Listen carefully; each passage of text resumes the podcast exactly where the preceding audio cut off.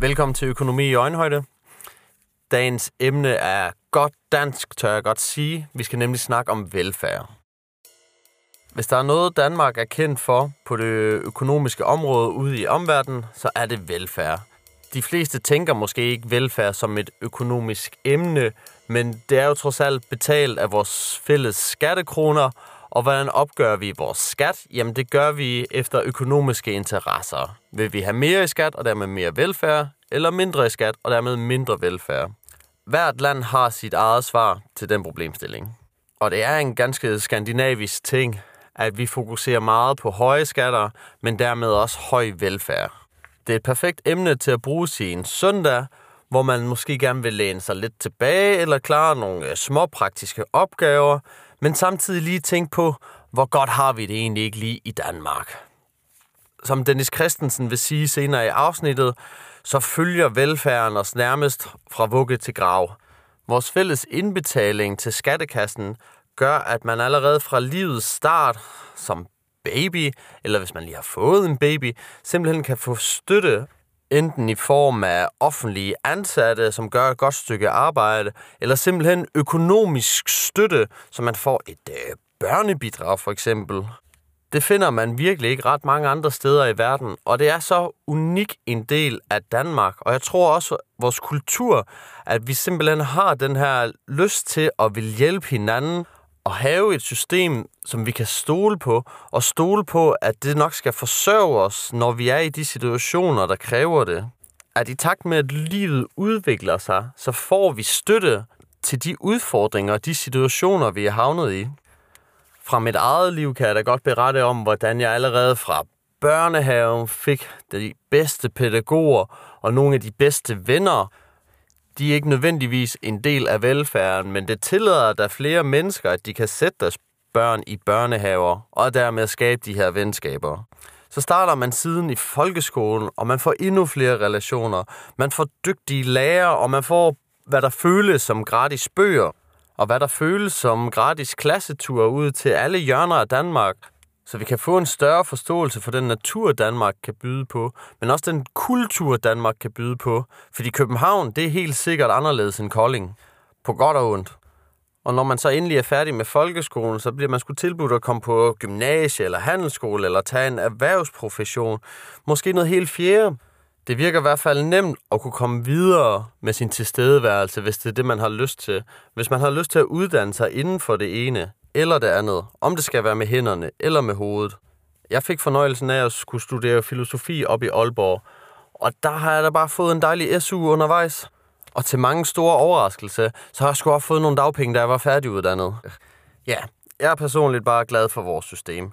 Jeg synes, det er der til at hjælpe en, når man har brug for det, og jeg synes, det er rart, at der ikke er en kamp om at skulle have først adgang til velfærden. Og med det tænker jeg, at hvis vores, alle vores hospitaler havde været privatiseret, og at vi skulle betale for at komme dertil, jamen så havde det været dem med flest penge, der havde den bedste sundhed, i stedet for at den bedste sundhed er mulig for den brede del af befolkningen.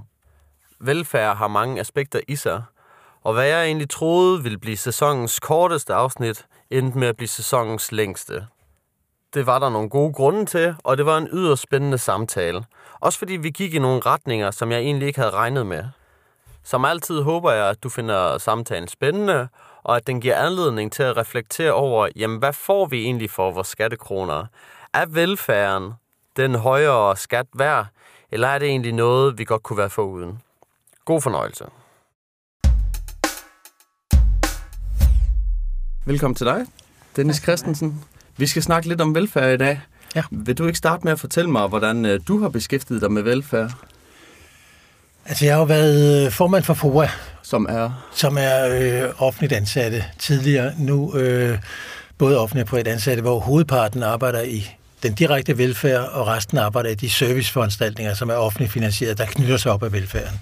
Altså det er både de er ansatte på hospitaler, det er ældreplejen, det er for eksempel også brandvæsenet, øhm, og øh, skolebetjent med og alt muligt andet. Men alt det, der knytter sig op af sådan den offentlige sektor, som jo et eller andet sted er paraplyen hen over øh, det danske velfærdssamfund. Øh, Det må man sige, så du er faktisk en helt ret at snakke med dig om. Jeg har i hvert fald måttet beskæftige mig rigtig meget med det. Ja, jamen hvad, hvis vi så lige skal lægge grunden for det, altså hvad er velfærd? Ja, det vil du nok kunne få rigtig mange øh, øh, forskellige definitioner på. Jeg tror, jeg ville tænke det sådan, hvis vi lige starter med at gå op sådan i helikopterhøjde og kigge ned over det, altså sige, så er det grundlæggende omfordeling. Altså, vi indbetaler noget skat. Den skat bruger vi så til at uh, lave nogle foranstaltninger for alle, uanset om vi selv har brug for det eller ej. Det er der, hvor man, man kan sige, der er måske ind i kernen af velfærd, altså det, der sådan allermest opfattes som velfærd, så er det stadigvæk fra helikopteren set, øh, så er det der, hvor vi giver alle lige muligheder. Det kunne være lige muligheder for at få beskæftigelse og forsørge sig selv. Vi giver også alle lige adgang. Det kunne være til uddannelse. Øh, og så spænder vi et fælles sikkerhedsnet ud under dem, hvis tilværelsen slår knuder undervejs. Altså at man ikke øh, går fuldstændig i hundene, fordi man bliver syg, øh, mister sit arbejde, kommer ud for det ene eller det andet i ens liv, der, der gør, at man i en periode ikke er kampdygtig. Og det er virkelig også det sikkerhedsnet, vi så har brugt rigtig mange år på at diskutere med hinanden om, hvor stor må, må maskestørrelsen være. Altså, hvor meget må man kunne falde igennem, og hvor meget skal vi alle sammen holde hånden under hinanden. Det tror jeg er sådan, jeg vil anskue, i hvert fald sådan meget overordnet set, den danske velfærdsmodel. Det er så overordnet set. Hvad så, hvis du skulle fortælle det fra den private persons perspektiv af? Jamen, så er det jo velfærd, at vi øh, som borgere, øh, når vi får børn, kan gå til en daginstitution eller en dagplejer og sige, jeg har arbejdet, jeg har brug for, at nogen passer, mit børn, passer mine børn. Jeg vil have, at det skal være på en, en ordentlig og sikker måde. Det skal være med personale, som kan give mit barn den, øh, den gode opvækst, altså pædagogisk uddannet personale, der kan give det rigtige afsæt for tilværelsen. Det er, når vi bliver syge, øh, at vi øh, så har et sygehus, øh, som vi ikke skal have pungen frem for og se, om vi har råd til at komme ind på, men, men hvor der er betalt via skatten for, at øh, vi bliver behandlet og kommer ud igen forhåbentlig og raske øh, og kan føre vores tilværelse videre. Det er også, når vi sender vores børn i skole, øh, så har vi en folkeskole, som vi i fællesskab finansierer, og som sikrer den fælles grundlæggende uddannelse, og hvis de skal videre til gymnasium, øh, universiteter osv., så, så er det også alt sammen noget, hvor vi ikke kigger på, hvordan er din pengepunkt størrelse, men i stedet for kigger på, har du for eksempel evnerne, jamen så skal du også kunne, uanset hvilken baggrund du har. Og så er det, når vi bliver ældre, øh, eller vores forældre bliver ældre, at øh, der er en tryg alderdom, øh, at man altså ikke, når man ikke længere selv kan skaffe sin indtægt, at man så både får en, en økonomisk øh, mulighed for at leve videre folkepensionen, øh, og så også, at øh, man, hvis man mister noget af sin funktion, øh, så også kan komme på plejehjem eller få, hjem, øh, få hjælp øh, derhjemme. Så det er sådan alt det, der, der i vores hverdag gør, at vi, øh, at vi kan føre en rimelig tryg tilværelse sammenlignet med så mange andre lande. Så er det jo også en del af det, at der er nogen, der har lagt asfalt på den vej, vi, vi gerne vil færdes på, på cykel eller bil, eller det fortog, vi gerne vil gå på. Det er sneen er ryddet, øh, og så videre, og så videre. Det er sådan alt det der, der, får, der kitter et samfund med rigtig mange mennesker sammen, øh, og kan få det til at fungere. Ja, det lyder i hvert fald meget godt. Og også, øh, at det er noget, der følger en igennem hele livet. Det er, det er, en gang var der sådan en parole, der hed for at vugge til grav. Det er måske sådan lidt dramatisk sagt, men, men det er jo i virkeligheden det, der sker. At ja. vi, vi føler et fælles ansvar for hinanden fra vi bliver født til vi forlader den her øh, klode, øh, og sørge for, at øh, det ikke går helt galt. Så kan vi have mange diskussioner om, hvor meget galt det må få lov til at gå. Ikke? Men det er jo sådan mere de politiske diskussioner om, hvor langt vil vi strække ansvarligheden ud til at være, hvor meget skal velfærdssamfundet tage sig af. Ja, det skal vi nok komme lidt ind på. Øh, men det er da et meget flot billede, synes jeg egentlig. Det der med altså, fra vugge til grav, altså også at okay, du bliver født på et hospital, og du kan ja. egentlig tage afsted herfra på det samme hospital. Øh, der er egentlig en rød tråd i det. Det lyder egentlig meget godt. Hvorfor tror du det i Danmark, at der er så høj velfærd sammenlignet med andre lande? Jamen, jeg tror, der er, øh, der er flere årsager. Vi deler jo sådan, kan man sige, den type velfærdssamfund øh, med den, de nordiske lande. Så der er et eller andet heroppe i Norden, Danmark, Norge, Sverige, til dels Finland, øh, som, ja. som, øh, som har fulgt den samme udviklingsvej. Det skyldes, tror jeg, i høj grad, at, øh, at vi i, især i det forrige århundrede øh, havde øh, sådan ret omfattende kampe i starten af århundredet og øh, sidenhen sådan politiske øh, indsatser, der handlede om, hvordan skal samfundet være skruet sammen? Øh, og hvor man kan sige, den linje, der handlede om at, at stå sammen om at uh, skabe noget fælles sikkerhedsnet, noget fælles tryghed, øh, den vandt.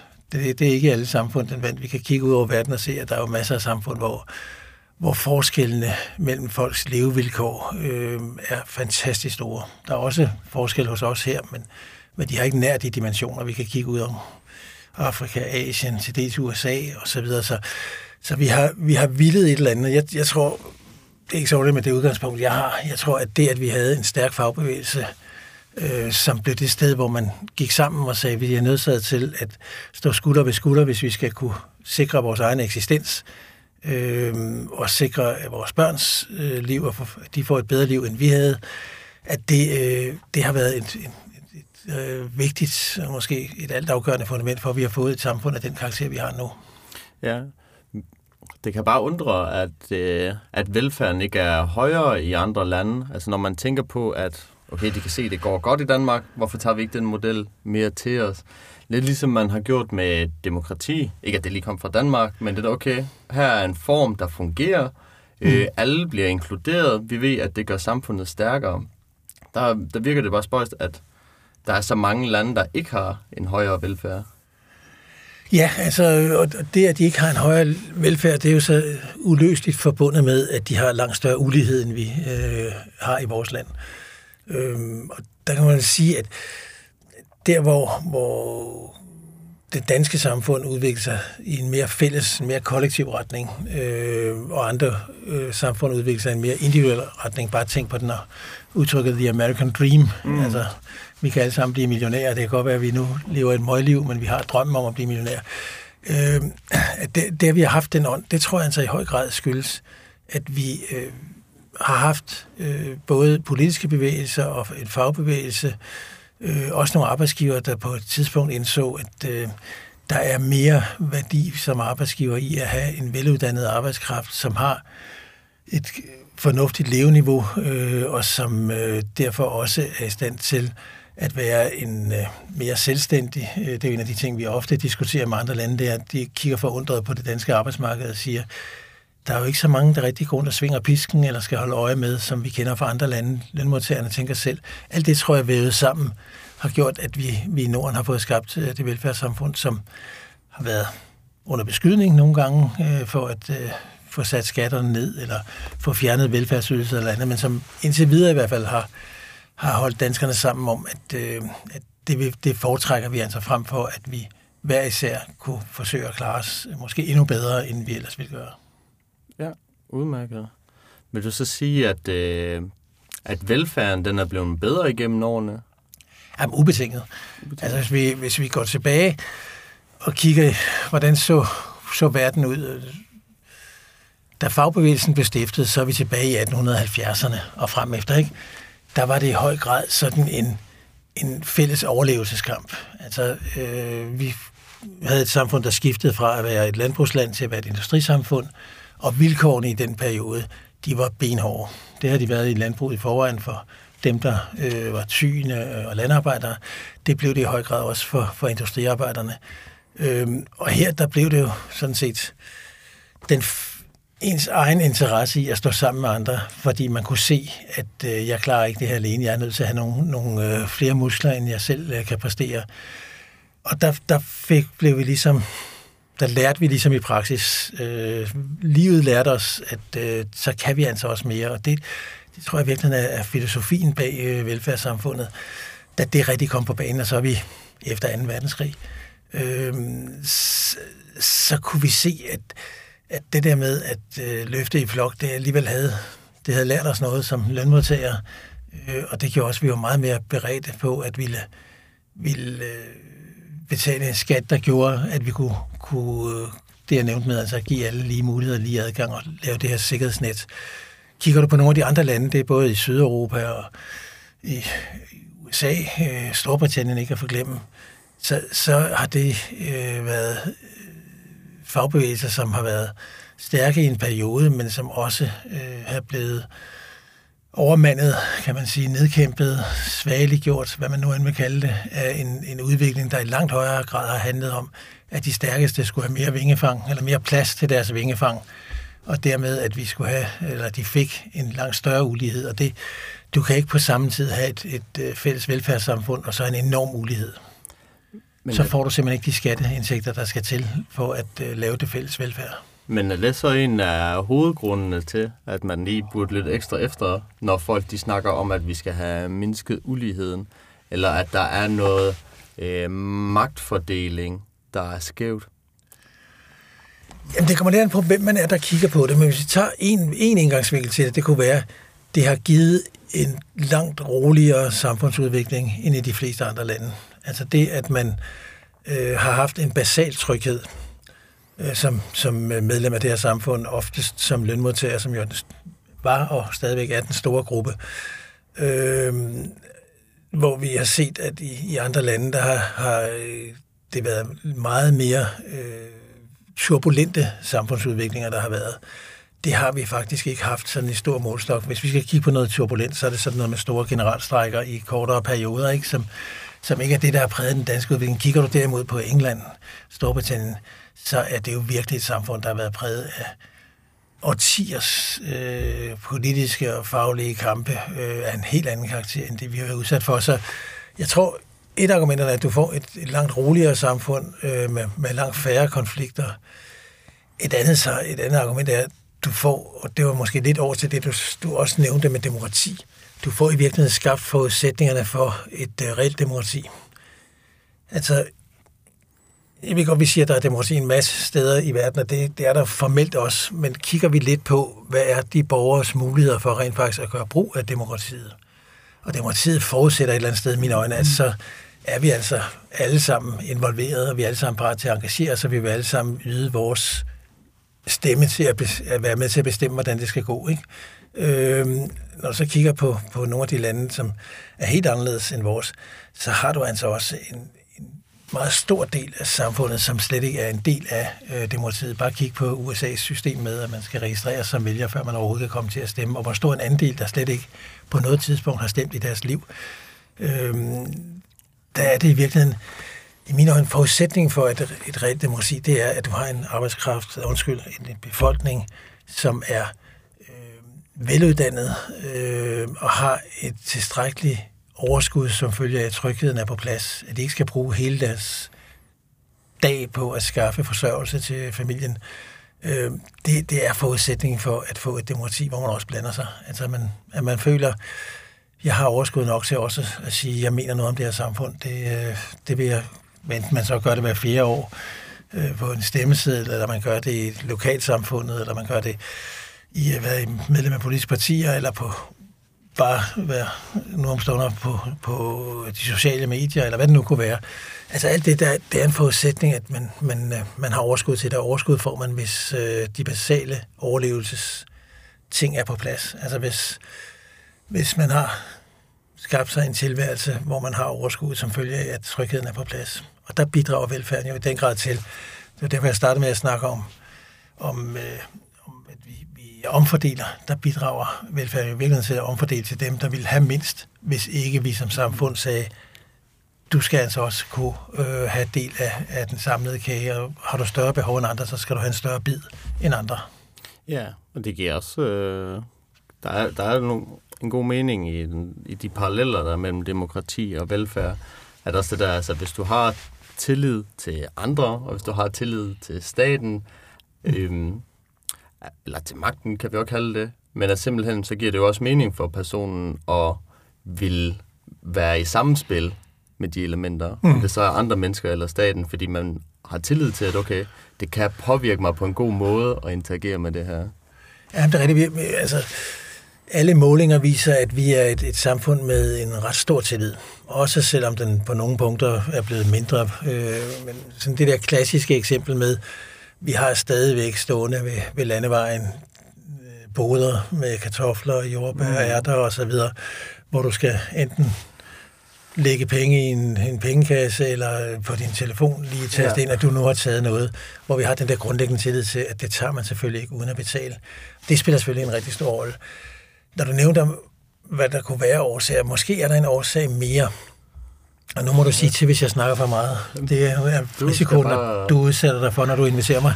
jo mere jo bedre. Jeg, jeg tror faktisk også, at øh, det er på det religiøse område. Jeg er ikke selv medlem af nogen kirke, men det, at vi øh, blev protestantiske, øh, tror jeg i høj grad, og dermed altså fik fjernet kirken fra staten. mm. adskilt de to ting. Det tror jeg i høj grad har været med til også at bidrage til, at vi var modne til øh, at tænke en større grad af, af krav til øh, at ville gøre noget sammen, og krav til øh, fællesskabet.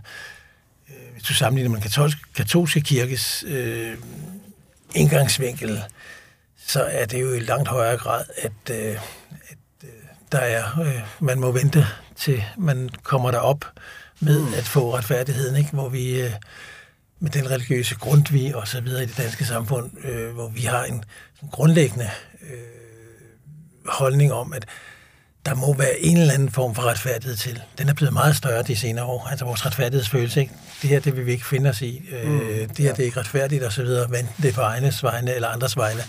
Det tror jeg også spiller lidt sammen med, med, øh, med det, det, at vi blev protestantiske og fik et, et andet syn på, at, øh, at, at kirken ikke var øh, det sted, der fortalte os, at øh, I må bøje nakken og øh, affinde jer med det, fordi de bliver kompenseret til sin tid, når, når I kommer op. Ja, det giver, øh, det, det giver i hvert fald god mening, at at have den tanke, at okay, så fordi man har adskilt kirken og staten, at så, øh, lidt som du siger, så har man selv skulle finde svarene, mm. i stedet for at få dem påduttet af, om det så er en bog eller en autoritet, men i hvert fald, okay, hvad er det, jeg vil, og hvad er det, jeg kan? Ja.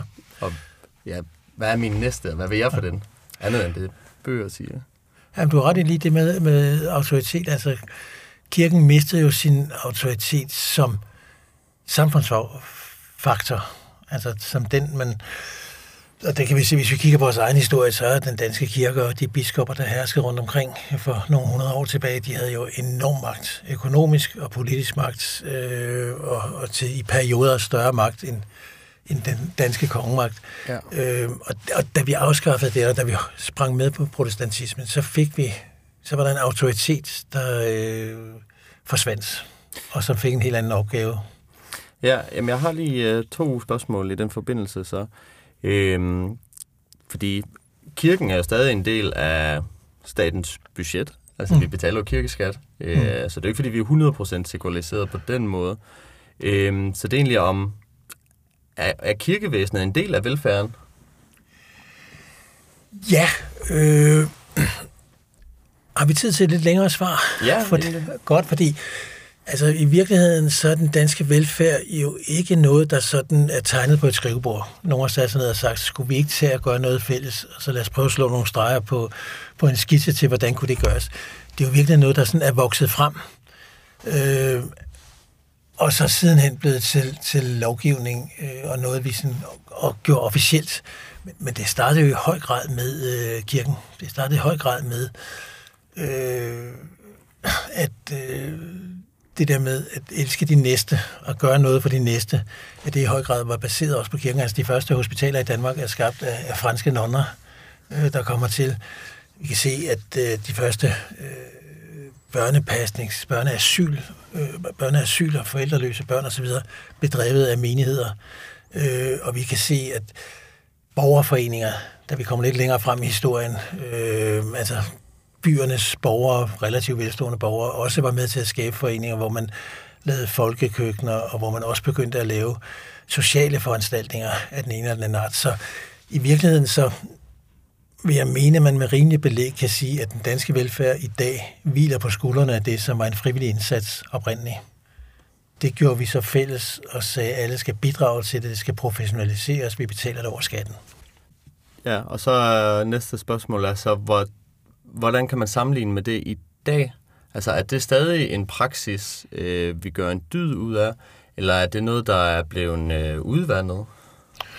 Det med frivilligheden, Ja, ja både det, ja, primært det med frivilligheden. Ja, Ej, jeg synes, i min tid, øh, og jeg var i, i FOA som formand fra 2002 til 2016, der er der sket en betydelig udvikling i, i øh, den frivillige indsats. Vi har, vi har altid haft en frivillig indsats. Øh,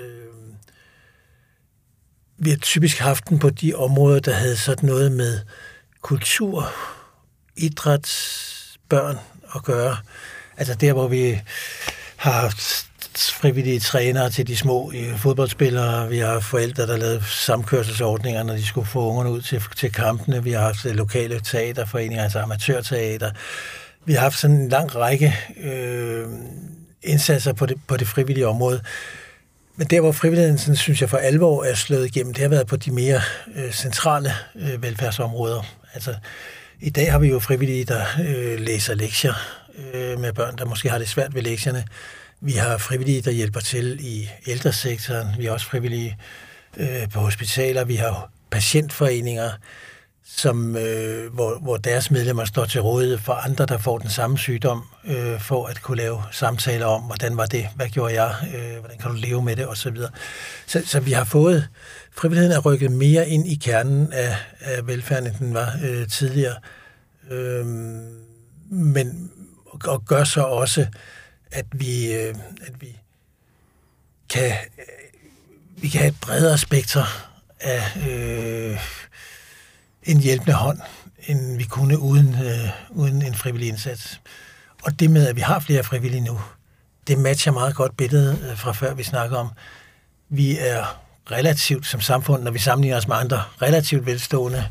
Vi har et betydeligt uddannelsesløft øh, og vi har øh, kortere arbejdstid, så vi har et eller andet sted lidt mere overskud, også til at øh, ikke bare betale skatten og sige, så har jeg gjort, hvad jeg skal gøre for andre, men også sige, jeg vil også godt lige være med til at samle penge ind til kræftens bekæmpelse, eller jeg vil også godt melde mig til at øh, være, være lektielæser i, i øh, daginstitutionen, eller hvad det nu kunne være.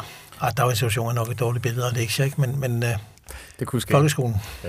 Jamen, nu har jeg selv prøvet at være lektiehjælper som frivillig, øh, og synes også, det er noget af det bedste, jeg har prøvet at gøre ja. øh, for mig selv, for andre. Øhm, så det, jeg siger nu, det tager måske lidt det frivillige ud af frivillighed. Men hvad synes du om ideen om, at man kunne få øh, noget bonus eller nogle fordele ved, at man sagde til folk, jamen hvis du arbejder frivilligt inden for en af de her områder her, så får du den her fordel. Lad os sige mindre skat, eller gratis bus, eller hvad det skulle være. Mm. Men ligesom incitament til at få endnu mere frivillighed på banen. Jo, men altså, vi har jo set uh, forslagene her uh, de senere år. Altså forslaget om, at det skulle uh, kunne give noget, når man søgte en videregående uddannelse, at man havde uh, været frivillig, kunne dokumentere, at man havde været frivillig i en anden uh, periode. Okay. Eller uh, at uh, det kunne være noget, man kunne skrive på CV'et, når man søgte jobs. Øh, vi har jo sågar haft øh, virksomheder, der sådan har sagt, at vi vil prioritere, om du på dit CV kan angive, at du også har været beskæftiget med noget frivilligt. Altså, jeg synes, der er, øh, der er meget positivt i, at vi som mennesker tager ansvar for andre, og ikke kun synes, det er noget med, at vi har betalt skatten, så har vi overstået, hvad vi så behøver vi ikke være solidariske med andre, så behøver vi ikke tænke på andre. på den anden side set, så de der tanker øh, som også er indbåret en eller anden form for værnepligt, øh, forstået som, du skal øh, betale tilbage til samfundet ved at være frivillig, frivillig for eksempel et år, inden du fylder X eller noget af den stil, som også sådan har været, været luftet lidt. Jeg synes, det mister lidt karakteren, øh, dybden i frivilligheden, hvis det er noget, du enten skal gøre, du simpelthen samfundet er forpligtet til, så er det bare en anden måde at betale skat på, ikke? Øh, eller det er noget, øh, der sådan bygger på noget for noget øh, princippet. Altså, jeg får gratis bus, nævnte du eksempelvis, ikke? eller jeg kan øh, kompensere for en lidt dårlig eksamen ved, at jeg har været frivillig at blive løftet ekstra. Altså, det, jeg, jeg, jeg vil være lidt ked af det, fordi det vil betyde, at vi øh, har puttet noget for noget ind i velfærden, og der er noget, vi ikke har ellers i velfærden, så er det noget for noget. Altså, vi, vi stiller selvfølgelig nogle krav, til hinanden for at kunne få den hjælpende hånd. Men, men det der med den, der så yder den hjælpende hånd, øh, ligesom har en byttehandel for at yde den hjælpende hånd, det ændrer på det med, at vi, at vi siger, at vi er et fællesskab, og vi tager hånd om dem, der, der får brug for den hjælpende hånd. Ja, det, det går bare lidt imod den her idé om, at vi betaler så høj skat i forhold til at få den her velfærd. Og det er vel også det, man siger, at for at få de her kerneydelser, så skal du altså betale nogle penge. Det er vel også en form for noget for noget? Ja, men der, der øh, får du ikke nødvendigvis noget ud af de penge, du afleverer. Det er ikke sådan, at du øh, har betalt så meget i skat, og så er der også krav på. Det, det har vi det er sådan et fast udtryk, vi bruger ikke som danskere. Ja, vi har betalt min skat, så skal jeg i hvert fald også, ikke? Øh, så er det i hvert fald uretfærdigt, at det ved jeg godt. Det accepterer jeg også. Selvfølgelig skal man da kigge på, at, at man er en del af et fællesskab, og man yder til det. Men det er mere den der med at sætte den, den sådan en til en over for hinanden. Nu øh, tager jeg det års øh, værnepligt, så får jeg til gengæld det og det ud af det. Det, det øh, synes jeg bryder med sådan det der grundlæggende princip om, at vi kigger ikke på, øh, hvad du selv har bidraget med. Vi kigger på, hvad du har behov for. Og så, kan vi, så stiller vi nogle krav om, at du skal forsørge dig selv, eksempelvis, hvis du kan, og alle de der ting, men vi er ikke inde og sige, nu får du, øh, får du fået hjælp til det ene eller det andet, så skal du også selv yde. Øh, den, den der noget for noget, den, den vil jeg være bekymret for at putte ind i velfærden. Det, et eller andet sted, så støder det an mod, at, at velfærden er, øh, er hjælp uden regning, uden fakturer. Ja, ja jeg er meget enig. Det, øh, jeg sidder og tænker lidt på det her med, at det var lidt pudsigt dengang man, øh, i hvert fald dengang jeg skulle konfirmeres, øh, at der var der faktisk også en lille noget for noget. Altså det var sådan noget med, at du skulle gå i kirke i hvert fald 10 gange, og du skulle være til de her lektioner her, før vi ville konfirmere dig. Ja. Jamen det er rigtigt. Øh, jeg er også konfirmeret. Øh, så meldte jeg mig ud af Folkekirken, da jeg blev 18 og kunne det. Men, og det er rigtigt, der skulle vi jo både kunne svare på nogle, lære noget udenad, som vi skulle svare på på selve dagen, og så skulle vi jo være krydset af for at have været i kirken et eller andet. Jeg tror altså, jeg slap med mindre end 10, men, men øh, man skulle have været i kirken et eller andet antal gange. altså, det, jeg kan godt forstå dit billede i det, men, men var det ikke i virkeligheden sådan mere udtryk for, at kirken var så ubesøgt, så øh, man får at ville sige, at du har ligesom levet op til at være en, en bekendende, en troende kristen, så skal du have været i kirken, og så satte man det i system. Det er næsten det, vi lider under i den offentlige sektor, og skælder sig meget over det, der bliver kaldt New Public Management. Ikke? Ja, altså her har vi et schema, øh, og så får vi dig krydset af, nu er du troende, og så kan du godt få lov til at møde op til konfirmationen. Ej, den tanke er jeg ikke så begejstret for. okay. Jamen, øh... Men jeg var der nu de par gange. Jeg tror, jeg slap med et par gange. Ja, jamen det det kunne også være sjovt at se, om det er skolen eller kirken, der har kravet om det. Jeg synes lige, vi skal tage den videre derfra, hvor du øh, lige hoppede over med New Public Management. Det er jo noget byråkrati. Øh, vil du sige, at byråkratien er godt eller skadeligt for velfærden?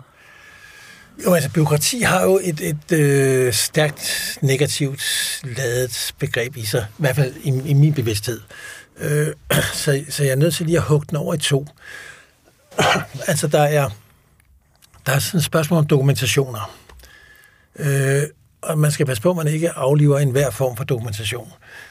Øh, den nattevagt, der møder ind øh, på plejehjemmet eller på sygehuset, skal selvfølgelig vide, hvad der er sket med fru Jensen i formiddags.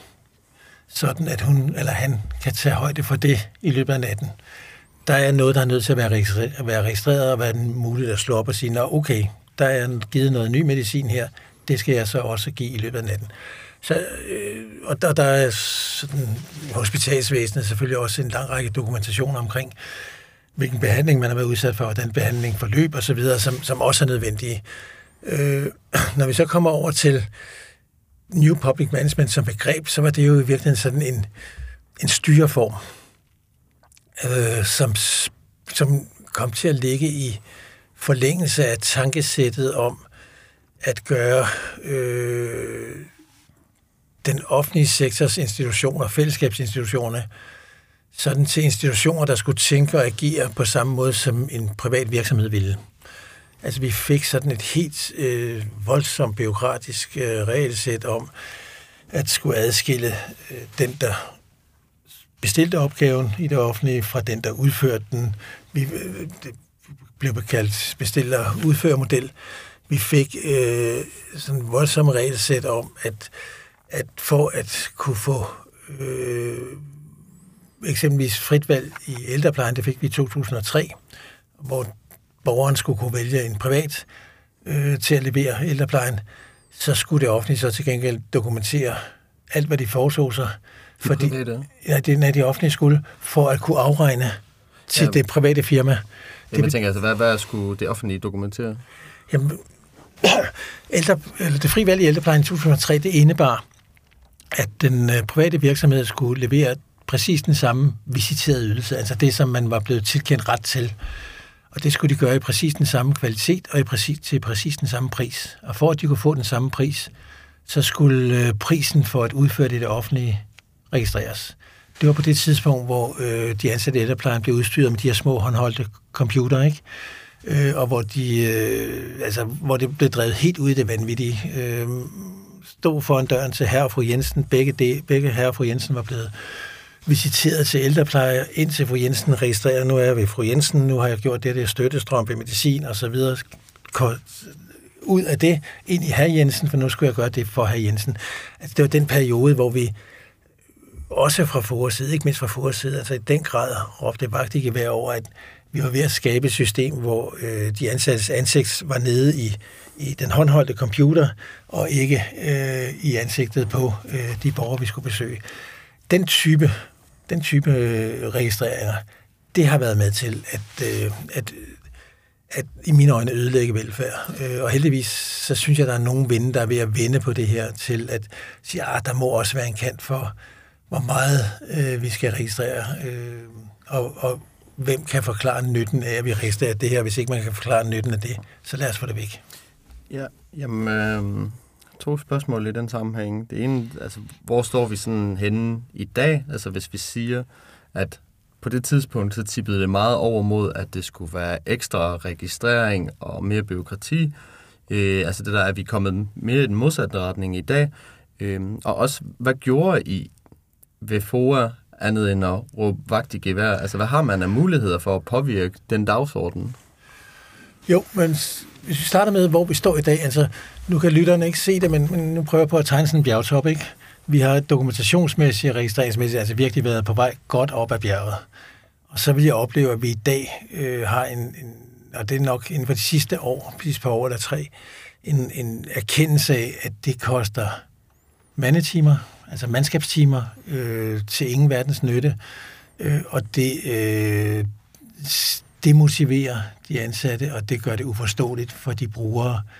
Hvorfor bruger du så meget tid på den der lille håndholdte, i stedet for at bruge tiden på mig, ikke? Snak med mig.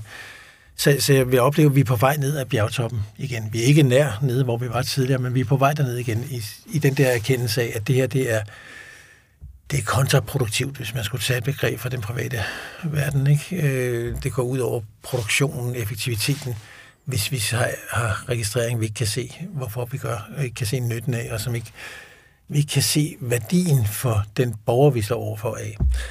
Øhm, så, så jeg synes heldigvis, at vinden har vendt. Så spurgte du også, hvad, hvad gjorde vi egentlig i for? Altså, vi prøvede faktisk på alle de måder, vi overhovedet kunne finde på, at få skabt den dialog med, øh, med både de administrative og de politiske beslutningstagere om det, at I gerne vil have, at den offentlige sektor skal fungere på sådan nogle lidt markedslignende vilkår, det koster på velfærden. Altså det koster øh, timer. Vi, vi har lavet rigtig mange øh, undersøgelser og bragt ind på politikens af, hvad, hvad er de ansattes oplevelse af, hvor meget tid de bruger øh, på at registrere.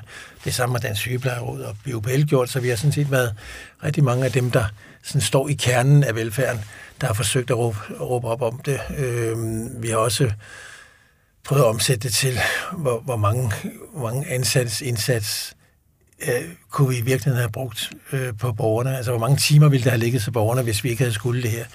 Så jeg synes, det har været en langstrakt øh, affære, men jeg synes faktisk, det lykkedes.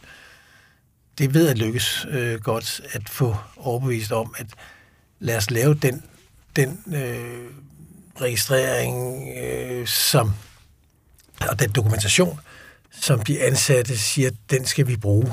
Den må I ikke fjerne, for den skal vi bruge det med nattevagten og dagvagten, ikke? Ja. Øh, men lad os få fjernet noget af alt det andet, så vi i stedet kan bruge tiden på borgerne. Ja, men hvad hører I, eller hvad hørte I så som modargumenter? Altså hvis I sagde, der er de her problemstillinger, det koster tid, det koster ressourcer, det koster kvalitet. I må vel have fået nogle svar igen, der har sagt, ja, men det er altså nødvendigt, at det her, det her... Ja, altså vi, vi, øh, blev vel især mødt med et, øh, et abespilsargument, forstået på den måde, at øh, politikeren på Christiansborg sagde, at det er jo ikke noget, vi har besluttet. det er ude i kommunerne og regionerne, og kommunerne og regionerne sagde, det er jo Christiansborg. Mm. Så vi brugte en del kræfter også på at rende det spidsråd frem og tilbage, øh, for at få nogen til at sige, uanset hvem der har gjort hvad, så lad os få gjort noget ved det. Det, det, det tog lidt pænt tid. Så synes jeg, at FOA havde ret stort held med at få sat en dagsorden, hvor vi gik fra at snakke kun om, om registrering og, og dokumentation over til at sige tillid. Og fik sat en dagsorden om, øh, vi har brug for en grundlæggende tillidsreform. Altså når nu vi bruger relativt mange penge på at uddanne læger, psykologer, folkeskolelærer, pædagoger, social- og sundhedsassistenter osv., osv., osv., hvorfor skal vi dog så detaljstyre dem samtidig, når vi mener, at vi har uddannet dem til at have en faglighed, der gør, at de er i stand til på stedet over for borgeren at have den faglighed i rygsækken, der gør, at de kan træffe den rigtige beslutning, frem for at række baglæns og sige, hvor er, min, hvor er mit A4 øh, mappe så jeg kan slå op i manualen og sige, hvad skal jeg mene i den her situation.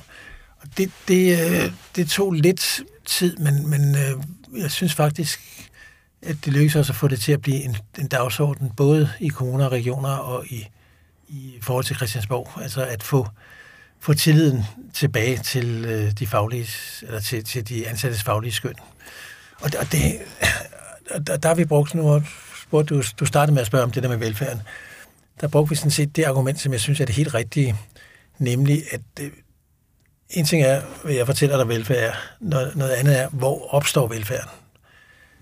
Og det kan mest simpelt, eller for simpelt, siges på den måde, at velfærden den opstår i mødet mellem en borger, der har et behov, og en professionel, der har en faglighed, viden, øh, indsigt, øh, uddannelse osv. i rygsækken. Og det er, når de to mødes, det er der, øh, velfærden skal opstå. Og det er der, det går galt, hvis de i stedet for skal bruge tiden på at registrere og dokumentere. Og den, den, det tankesæt, det synes jeg faktisk, det lykkes at øh, klargøre øh, og, og også af beslutningstagerne. Vel, et, et stykke af vejen hen har jeg set, at øh, der går simpelthen ressourcer til spil på ikke at tro på, at de ansatte rent faktisk kan noget, og også kan mere, end man som kommunalpolitiker kan gøre, kan, kan vide om det her, eller som Christiansborg-politiker kan vide om det her. Det virker umiddelbart intuitivt øh, lige til. Så det kan da undre, hvorfor man ikke er kommet længere, eller mere tilbage, kan man nærmest kalde det. Jo, altså, men nu er den offentlige sektor jo en, en, en kæmpe størrelse, øh, når vi tager det hele med. Og derfor så øh, er der lidt tale om sådan en, en, og det er ikke nogen undskyldning, men, men der er lidt tale om en, en supertanker, der skal vendes. Og der er mm. det der med supertanker, de, når de begynder at vende, så sejler de jo hulens langt før, at, øh, at stævnen vender den modsatte vej. Og det gælder også lidt den offentlige sektor. Det er rigtig mange øh, led, det skal igennem. Øhm, og det er rigtig mange diskussioner og overvejelser, der skal igennem, før det er, er slået igennem på, på alle arbejdspladser. Men hvis argumenterne er til det, altså kunne det ikke være ligesom, okay, FOA kommer med det her forslag, det har I måske allerede gjort, øh, men det her forslag, der er 10 punkter, I skal skære de her regler væk, fordi det vil have de her konsekvenser. Og, og så ja, virker det som om, okay, det kan diskuteres, men det er ikke noget, der burde tage flere årtier at få gennemført. Nej, det er du ret i. Altså, nu er det faktisk en hel del år siden, vi øh, begyndte at tale om tillidsreform. Øh, man kan sige, vi fik øh, den borgerlige regering med på ideen om en tillidsreform. Og du kan vel sige, at når den nuværende regering øh, har sagt, øh, Mette Frederiksen har sagt, skal vi ikke tage og starte helt forfra i ældreplejen, så er det vel et eller andet sted udtryk for en erkendelse af, at øh, der må være noget om det, de ansatte siger. Altså, kan vi få mere ud af velfærdskronerne, hvis vi griber det an, så de ansatte, øh, så vi stoler på de ansatte, indtil det modsatte er bevist. Øh, og dermed altså mindre, mindre nærledelse. Øh, det betyder ikke, at der, skal være, at der ikke skal være nogen ledelse, men mindre sådan kigge over skulderen ledelse, og mere tillid til, at øh, når man nu er uddannet til det, så skal man også bruge den uddannelse til noget. Den har været rimelig dyr for nogle faggruppers vedkommende, ikke? Bestemt. Og jeg har da en god kammerat, der er læge, og han bruger da, hvis jeg lige husker rigtigt, en fjerdedel af sin tid ved patienterne, og tre fjerdedel ved, ja, ved sin computer. Ja, altså lægerne har jo været stikstjernen også over, at øh, billedligt talt, så er de blevet, øh, så har de overtaget lægesekretærernes opgaver, øh, hvor de før talte ind i en diktafon, ikke? og kunne gøre det alle mulige steder på vejen hen. Nu skal de sidde ved en skærm og skrive og sådan noget. Ja. Og det, det, det er jo sådan et af eksemplerne på, at, øh, at det er en hensigtsmæssig måde at udnytte en meget højt uddannet, altså og dermed også meget dyrt uddannet. Ikke noget negativt lavet i det, men samfundsmæssigt dyrt. Det er den mest effektive måde at bruge den på. Eller, eller kunne det gøres øh, mere hensigtsmæssigt? Der, der er jeg helt enig med lægerne i, at det er, man skal ikke bruge læger til noget, de er overkvalificeret til. De skal ud og være ved, ved de patienter, hvor de gør den største gavn. Ligesom social- og sundhedsassistenten skal have størst mulig tid sammen med, med den ældre, eller sygeplejersken skal have størst mulig tid sammen med patienten. Ja, eller læreren. Og Ja, og men det er jo hele egentlig- rækken igennem.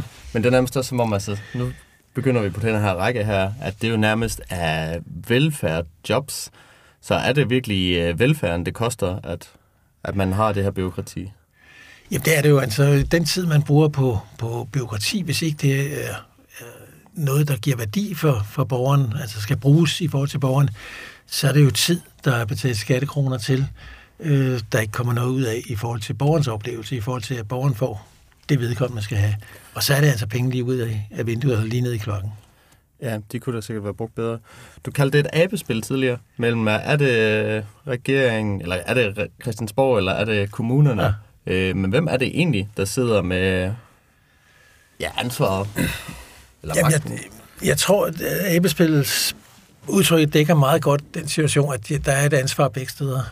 Altså Christiansborg har, har øh, står jo for sine dele af det. Bare tage, nu nævnte du folkeskolelæreren, tage hele testdiskussionen, ikke? Øh, inklusionsdiskussionen for den sags skyld også. Øh, og så har du en, øh, en, en kommuner og regioner, som bygger ovenpå. Øh, og det, det må jeg medgive øh, nogle af de Christiansborg-politikere, jeg har diskuteret det med gennem, gennem årene, at der sker der også det, at når, når der er vedtaget et eller andet på Christiansborg, at så er der også en tendens til, at kommuner og regioner så skal ligesom pinde det ud og skære det ud for at kunne give det videre øh, fra forvaltningen ud til de enkelte institutioner. Og så ryger der måske også lige nogle ekstra regler med, øh, som ikke kan findes tilbage i den lovgivning, der ligger til grund. Så et eller andet sted, så er det nok noget, der er gennemsyret tankesættet, og det er det, der vel kan sammenfattes i, i begrebet New Public Management, som jo altså var en måde at tænke en ny måde at styre den offentlige sektor på. Øh, den vi fik. Øh, som som øh, de, øh, eller i hvert fald nogle af dem, der stod for det fra, fra statsmagtens side, siden han har, kan jeg huske, skrevet en kronik om, hvor, hvor de sagde, at vi tog fejl. Øh, det var ikke med til at løfte velfærden. Nej, og man kan vel kalde, eller sige det med New Public Management, altså et nøgleord for det, det er vel effektivitet. Ja, Ja, og, det, og detaljstyring, ikke? Og der er noget, der ikke matcher med, øh, med håndholdt velfærd, øh, altså ansigt til ansigt velfærd. Det der med mødet, velfærden opstår i mødet. Så er det altså skemaer og øh, byråkrati. Det, det matcher overhovedet ikke til, øh, til en situation, hvor man skal træffe en beslutning, som kan være den ene den ene dag, og den modsatte den anden dag, helt afhængig af, hvordan den borger øh, behov er lige præcis på det tidspunkt, hvor, hvor den professionelle møder han, ham eller hende. ja også fordi det virker som om, at det vil være god lederskab ved, at man giver øh, de professionelle, eller de varme hænder, Mm. øh, bedst mulighed for at kunne yde den service, skorstræk kvalitet, øh, som borgeren så får sin nytte af. Ja, øh, men der har altså ligget, øh, nu spurgte du til, hvem har ansvaret, altså et af de steder, hvor kommuner og regioner nok har ansvaret, det er, at de har haft tilbøjelighed til at have sådan en opfattelse af, at øh, de professionelle har kommet med deres uddannelse, og de vil gøre det optimalt. Og vi står som politikere med et begrænset budget, og det kan ikke nytte noget, de vil gøre det i deluxe-klassen, det må gøres på økonomiklassen. Øh, og derfor er vi nødt til at sætte nogle regler op, der gør, at de ikke øh, går amok, og øh, pengene overhovedet ikke kommer til at passe i den sidste ende.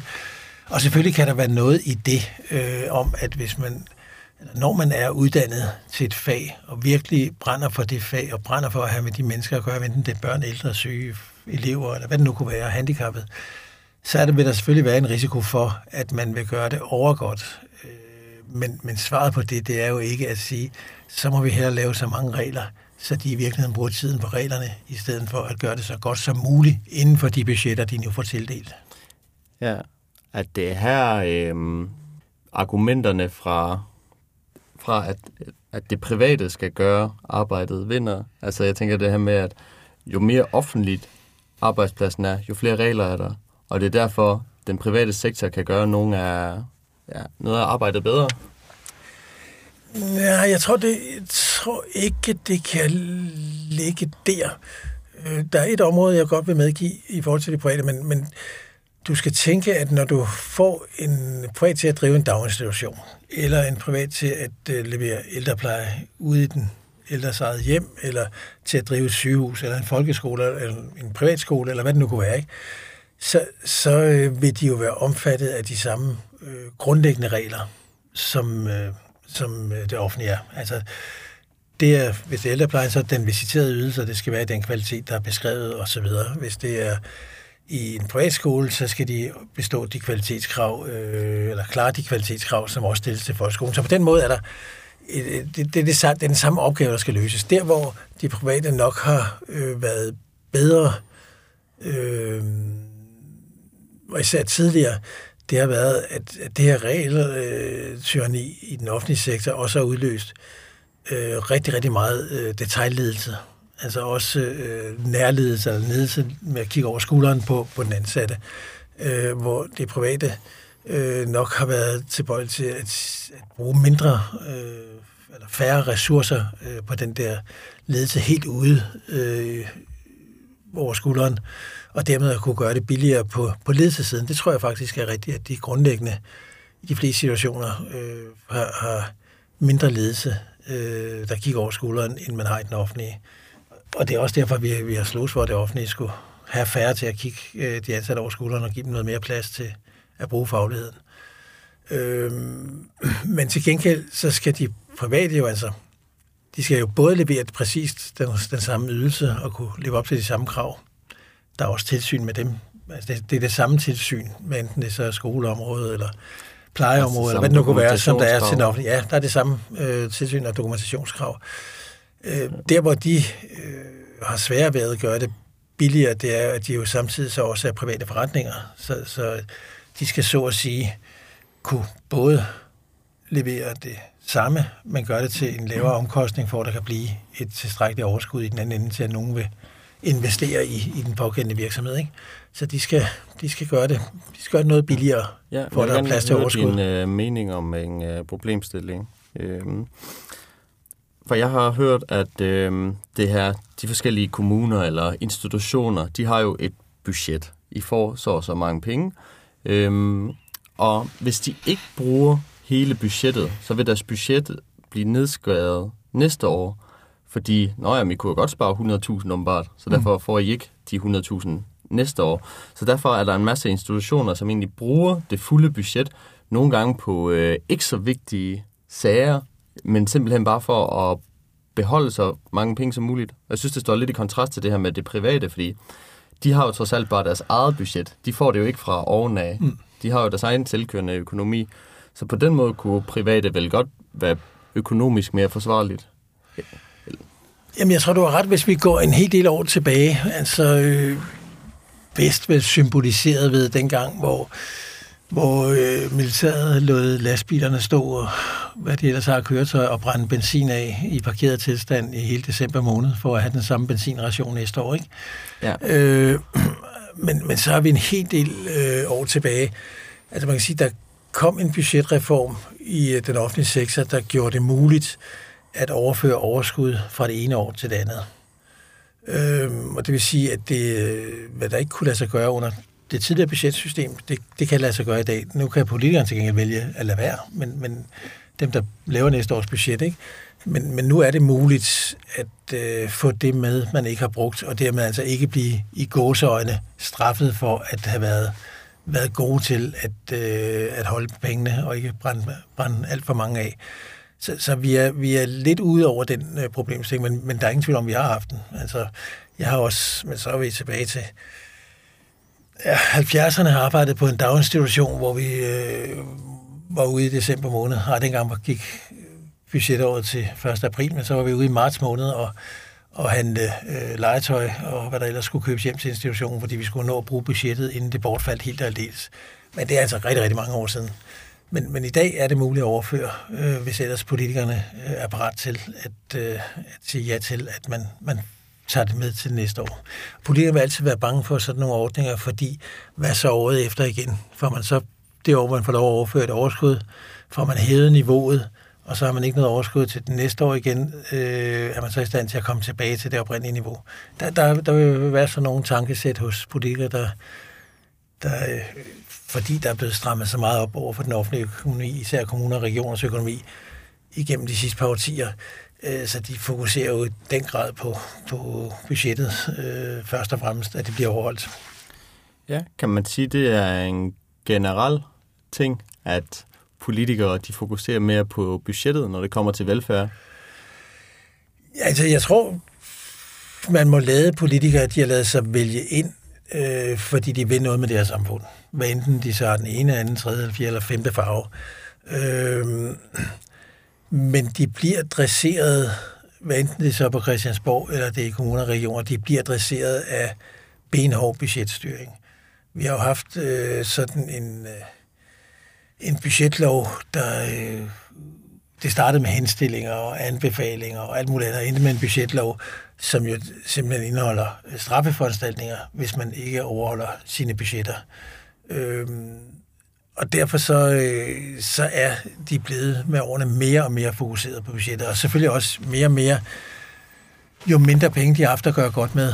Mindre penge at gøre godt med er ikke nødvendigvis det samme, som man, har, man ikke har flere, end man havde sidste år. Men hvis der er flere ældre eller flere skolebørn næste år, end der var i år, så har man behov for flere penge. Ikke? Og hvis ikke man får det, så skal man spare, fordi der er flere, der skal have.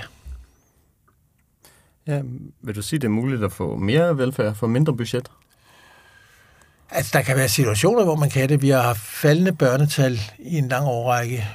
Børnetal? Børnetal, altså fra, faldende børnefødsler ja. i en lang årrække. Og det er klart, at når, når der fødes færre børn, så er der op gennem kæden i deres liv brug for færre øh, daginstitutionspladser, øh, færre skolepladser osv. Øh, det billede er ved at vende. Vi har, vi har stigende børnetal, og i hvert fald haft det i nogle perioder. Øh, men det er klart, at i sådan en periode, så er der jo selvfølgelig et budget, som, som øh, er større, fordi der tidligere var flere børn. Øh, til gengæld, så har vi den anden ende, altså jo også områder, hvor der bliver flere og flere. Tager vi antallet af ældre, så er det jo forudsigeligt, øh, at det vil stige, fordi de er jo født for længst. Vi kender CPR-numrene, vi kender levealderen, så vi ved, at der bliver flere og flere ældre. Vi kan se af alle tal, at øh, over 80-årige er de dyreste i sundhedsvæsenet. Så når der bliver flere, der også bliver over 80 år, så bliver sygehusene dyrere, hvis de skal give det samme, som de gav før. Der er simpelthen flere, der skal modtage. Der er bliver flere, der får brug for ældrepleje, øh, når vi lever længere, og der bliver flere af os. De store fødselsårgange, den største fødselsårgang, vi har haft, det var i 1946, de er tjekket ud og, og er på vej ind i ældreplejen. Ikke? Og så er det klart, så, så bliver der flere. Det, det er vel i virkeligheden velfærdens største dilemma.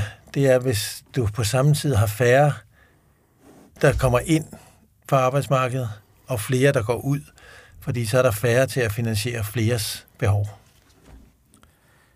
Ja, det svarer lidt på spørgsmålet, men jeg vil gerne lige høre din mening om det der. Altså, hvis der er flere mennesker i Danmark, og det er både danskere og udlændinge, men vil det være mere eller mindre velfærd for samfundet? Fordi vi har, vi har også snakket om, at det er fordeling af goderne. Så jo flere mennesker er jo også lige med øh, flere at skulle fordele til. Ja. Jamen, du, man, er nød, man er nødt til at skille dem, hvor, hvor de danskere er. Hvis der er flere på arbejdsmarkedet, så stiger vores muligheder, hvis, hvis ikke øh, vi hele tiden presser på for at få lavere skat, så stiger vores muligheder for at øh, give velfærd. Så er der simpelthen flere, der tjener penge, og det udløser mere i skat. Hvis det derimod er omvendt, at der er færre på arbejdsmarkedet, men der til gengæld er flere uden for, den erhvervs, uden for erhvervsalderen, og det kan både være børn, det kan også være ældre, så er der færre til at betale den skat, som skal til for at, at finansiere de flere. Så, så derfor har vi jo også, og derfor så er der jo politisk så voldsomt stort øh, fokus på, hvor mange er på arbejdsmarkedet, hvor tidligt forlader vi det, øh, hvor mange år skal vi være på pension, stigende pensionsalder osv. Alt det er jo sådan en sum af, af, af diskussioner om befolkningsændringerne, eller ændringerne af befolkningssammensætningen. Ja, jamen det får mig til at tænke på en problemstilling, jeg synes, der godt kan være med den danske velfærd. I hvert fald, hvis jeg snakker med det øh, fra folk øh, uden for Danmark typisk. At det her med, at vi har nærmest for meget velfærd nogle gange. Altså, at nogle gange, så kan man simpelthen øh, komme i en glidebane af, jamen, du skal bare få al den hjælp, du kan få. Og på den måde mener jeg med, at øh, vi giver folk medicin, hvor det kunne være unødvendigt. Vi tager folk ud af arbejdsmarkedet, for eksempel ved at gøre dem til førtidspensionister. Altså, at, at vores velfærd faktisk også har skabt en glidebane af ja, for meget hjælp, hvis man kan sige det. Ja, altså, det, det grund, kernen i det, hvis jeg forstår dig ret, i hvert fald se med mine øjne, det er, at vi sådan skruet sammen som mennesker, at hvis vi kan få tingene uden at røre en finger, så napper vi det. Øh, i første jeg, omgang i hvert fald. Jeg, jeg skal nok øh, nuancere det en smule, ikke? Øh, fordi du skal alligevel ikke hænge op på at sige, at det var det, på, at det var det, du mente. Men hvis vi ligesom tager den yderlighed, øh, så er det altså min oplevelse, og de tal, jeg kender, er klart, at danskerne øh, vil arbejde. Altså det at have et arbejde, hvad det udløser af selvrespekt og øh, relationer til kolleger øh, og udfordrer mentale øh, udfordringer osv., altså holder en i gang, det, det gør, at danskerne øh, gerne vil arbejde. Øh, så, så andelen af danskere, som ville øh, sådan sige, lad mig dog se, om jeg ikke lige kan klare mig udenom alle forhindringerne her og, og komme direkte fra, fra øh, folkeskolen på førtidspension eller folkepension, uden at have rørt en finger undervejs, den tror jeg altså ikke på er øh, stor. Jeg tror faktisk, den er meget, meget lille. Men, men så er det jo også mere nuanceret sådan, for du siger jo så også, at der kan være nogle af de ydelser, vi giver, som på en eller anden måde passiviserer danskere til, øh, i den politiske debat vil have det hedder, anbringer dem på en, en, en passiv ydelse, ikke? Og det har vi jo haft rigtig mange diskussioner om med de sidste 15, ja, sidste 20 år, om det her med, øh, sætter vi folk ud på sidelinjen, som egentlig godt kunne noget. Det er ikke sikkert, at de kunne det hele, men kunne noget. Øh, og det er jo en problemstilling, jeg så også kender fra den anden side, nemlig fra det at være fagforening. Altså det at øh, have medlemmer, som øh, måske bliver arbejdsskadet eller får en sygdom eller andet, og egentlig gerne ville noget, men ikke kan så meget. Øh, og der har vi, synes jeg, en grundlæggende problemstilling i det her samfund. Den ene er, at den der velfærdsmæssige betragtning koster de for meget gåsøjne omkring, dobbelt gåsøjne omkring. Den anden er, giver vi dem de muligheder, øh, de kunne have, øh, hvis, vi gjorde, hvis vi havde et, et rummeligt arbejdsmarked. Og der synes jeg, selvom vi har haft mange diskussioner om det rummelige arbejdsmarked, jeg synes stadigvæk, der er alt for mange, som ikke øh, kan komme ind med en begrænset arbejdskraft og øh, opleve, at jeg gør en forskel her. Altså det supermarked, øh, jeg bor ved siden af, har sat en ære i at øh, få nogen ind, som øh, har øh, særlige behov, som, som øh, ikke er, er 100% arbejdskraft. Øh, og det, jeg synes, det er en fornøjelse at se. Det er en fornøjelse at se, at der er steder, hvor man øh, siger, øh, her, der kan vi altså godt, vi er så, vi er så stor en kæde, vi har råd til, vi øh, er rummelige, vi kan se potentialet i det, vi kan også sørge for, at det giver mening for den pågældende. Øh, så er der noget at stå op til, øh, og noget, nogen at møde, øh, og der er følelsen af, når man kommer hjem. Ligesom alle andre i det her samfund, så har jeg gjort en forskel. Øh, den synes jeg, vi dyrker alt for lidt. Så der er, der er ligesom to sider af den der mønt. Ikke? Er der nogen, hvor, hvor man kan spekulere i velfærden, og så er der den anden, skubber vi folk væk, som godt kunne have fået chancen, hvis vi på arbejdspladserne var parat til at være mere rummelige. Og det er sådan set begge sider af bordet. Det er både arbejdsgiver og lønmodtagersiden, der skal være parat til at være rummelige. Altså det, det kan også være besværligt at have en kollega, som ikke er 100 procent, ikke? Øh, og det kan, som måske ikke kommer i morgen alligevel, øh, og så videre, men, men set ud fra sådan en, en øh, velfærdshumanistisk, øh, altså menneskelig betragtning, så er vi ikke gode nok til at øh, skabe de pladser til folk. Til gengæld er der jo, når vi så tager den anden side af mønten, er der nogen, der kan køre på fribillet øh, gennem hele livet øh, på velfærdens bekostning eller på velfærdens regning. Øh, der er der vel efterhånden lavet så mange øh, kontrolforanstaltninger, så det også har kommet noget over. Altså hvis du kigger på kritikken af jobcentrene, øh, altså jeg, jeg, selv, jeg, jeg kunne simpelthen ikke have, øh, da begrebet sengepraktik opstod. Altså at hvad gik det ud på? det gik ud på, at man kunne man ikke øh, tåle at sidde eller stå, øh, så kunne man da komme ud i praktik og se, om man kunne noget, mens man sad i en seng, eller lå i en seng, ude på en arbejdsplads. Altså, øh, før man kunne få øh, indstillingen til førtidspension, der er der noget, der, der, går, der går over gevind. Altså, der er kontrolforanstaltninger af, at dem, vi mistænker for, at øh, dem skal, de skal virkelig kontrolleres. Der, der er gået for meget kontrol i det. Men selvfølgelig skal der være, altså når det er skattekroner, så jeg har sådan lidt, du lidt vil høre sådan lidt halvheldigt forhold til skattekroner. Når det er skattekroner, så har skatteyderne givet dem i forventning om, at de her bliver udnyttet til fællesskabets bedste, og de bliver udnyttet effektivt, og der bliver ikke snydt med dem. Og derfor så skal vi selvfølgelig også have styr på, at det er de rigtige, der får det rigtige. Ja, øhm, der var mange elementer i det der. Øh, Jeg vil lige knytte nogle kommentarer til Det var også lidt langt, så undskyld for det. Nej, det er meget godt, det er meget godt. Det, det giver noget inspiration, men øh, jeg skal selvfølgelig også lige tage det essentielle ud af det. Øh, jeg vil starte med sengepraktikken der. Jeg synes egentlig, det kunne være meget hyggeligt, hvis folk var ansat nede i IKEA til at ligge i sengen ja. og præsentere, hvordan det egentlig kunne se ud. Øh, så jeg kunne allerede der se i hvert fald noget nytte. Øh, nu får du lige et par spørgsmål. Ja. Først og fremmest altså det her med, fordi det kommer lidt her til det sidste, okay, vi skal have noget for skattekronerne. Øhm, men er der ikke en del offentlige jobs, der egentlig er ret unødige, eller i hvert fald, hvor, lad os sige, de arbejder 37 timer om ugen, men det faktisk måske er mindre end 20 timer af deres arbejde, der egentlig giver noget nytte. Øhm, det er lige det ene spørgsmål. Så kan jeg lige knytte nogle ting sammen her i forhold til, øhm, øh, fra det, da, da, da jeg har været frivillig, øh, der arbejdede jeg også med handicappet på et tidspunkt. Øh, det er lige for at sætte lidt flere nuancer til det. Og jeg fandt ud af tre ting, øh, og det er måske det, jeg har taget mest fra med af min, min tid som frivillig, øh, som du allerede lidt har sagt. Øh, fordi de handicappede, de var meget uden for arbejdsmarkedet. Øh, så jeg prøvede at undersøge, hvordan man kunne øge deres livskvalitet. Og noget, der gik igen, det var det her behov for at bidrage, behovet for at være social, og behovet for at blive udfordret, øh, som du har sagt mere eller mindre øh, med de her ting.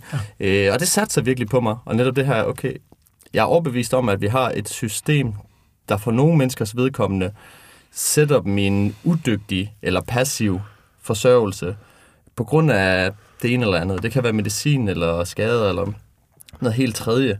Øh, men jeg tror også, at når man er i den rutsjebane, så er det svært at sige fra, eller måske vide, hvor man er på vej hen af. Så det der med, øh, jeg tror ikke, det er fordi mennesker per natur gerne vil springe over, hvor gade er lavest, men jeg tror godt, det kan være en periode i deres liv, hvor det virker som det mest naturlige, eller som det nemmeste at gøre. Øhm, og derfor ikke lige tænker, at jeg skal sgu lige sige fra, for jeg vil egentlig gerne arbejde om fem år. At derfor kommer der nogle problemer i det.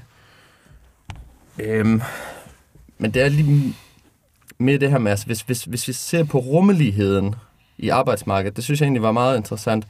Øhm, så de to spørgsmål er egentlig lidt det her, altså noget omkring de unyttige jobs i forhold til det øh, offentlige, men også det her med, hvordan gør vi arbejdsmarkedet mere rummeligt? Fordi det har også lidt nogle tråde til, hvad vi har snakket om tidligere med noget af det frivillige specielt, synes jeg. At der er noget der, hvor netop øh, de her tre elementer af, hvad folk har behov for, dem synes jeg godt, man kan finde i frivillighed. Fordi du får udfordringen, du får det sociale, og du får bidraget ud af det. Så det må vel også være noget, man kan øh, ja, tilføje til arbejdsmarkedet i en højere grad.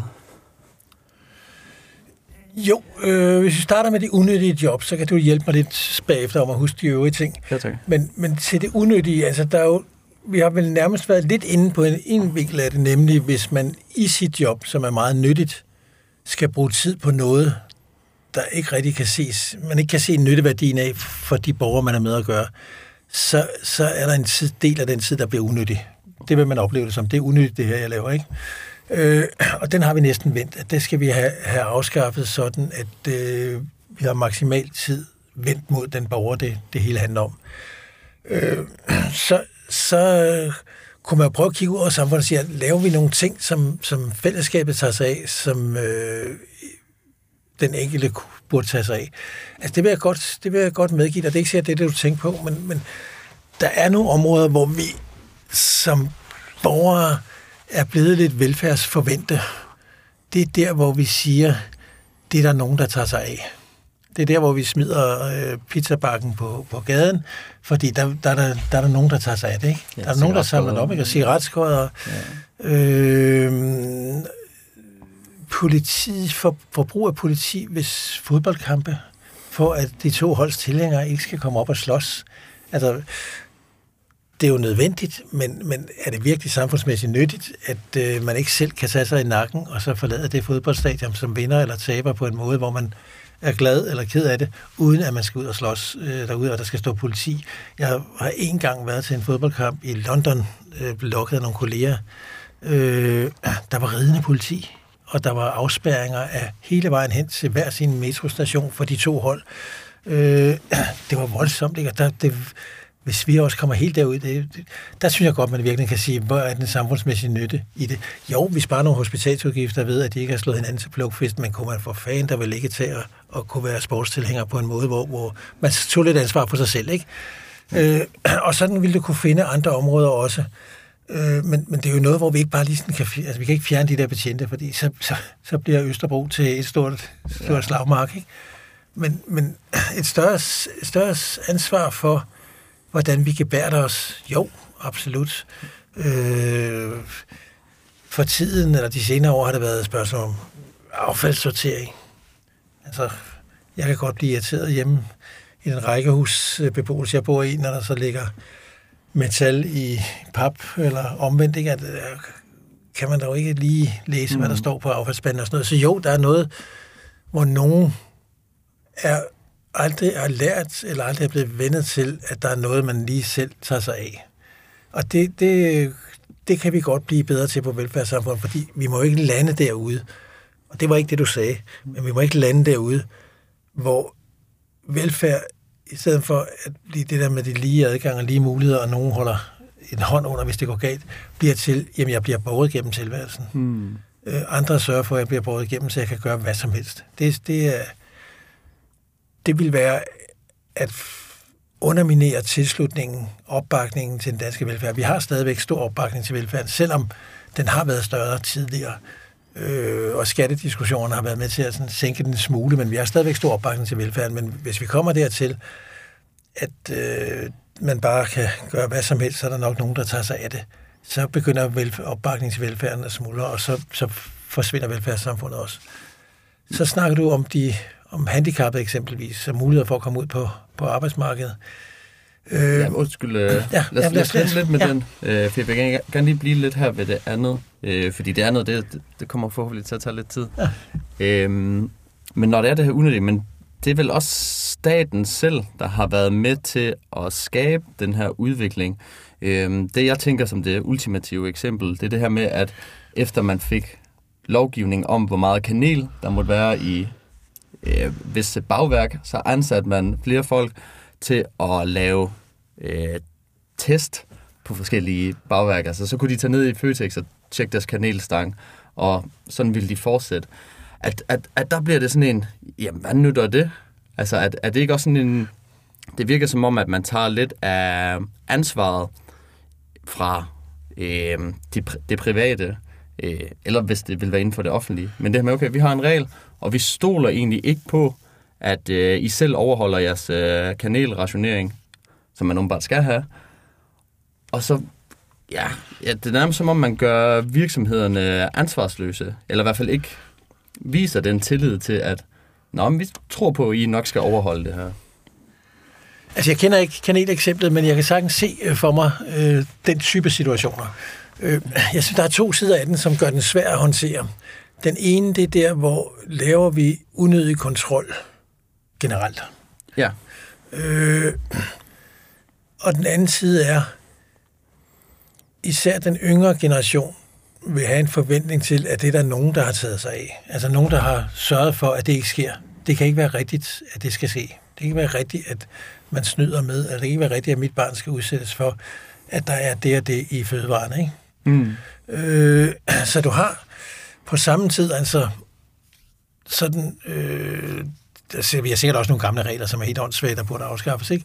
Men hvis vi holder os til det mere principielt, vi har sikkert nogle regler, hvor vi øh, fører tilsyn med, kontrol med, og så har vi nogle, nogle borgere, som i stigende grad, fordi de unge bliver jo ældre, forventer, at det er der nogen, der har sørget for, at i hvert fald ikke kan komme til at give ulykker.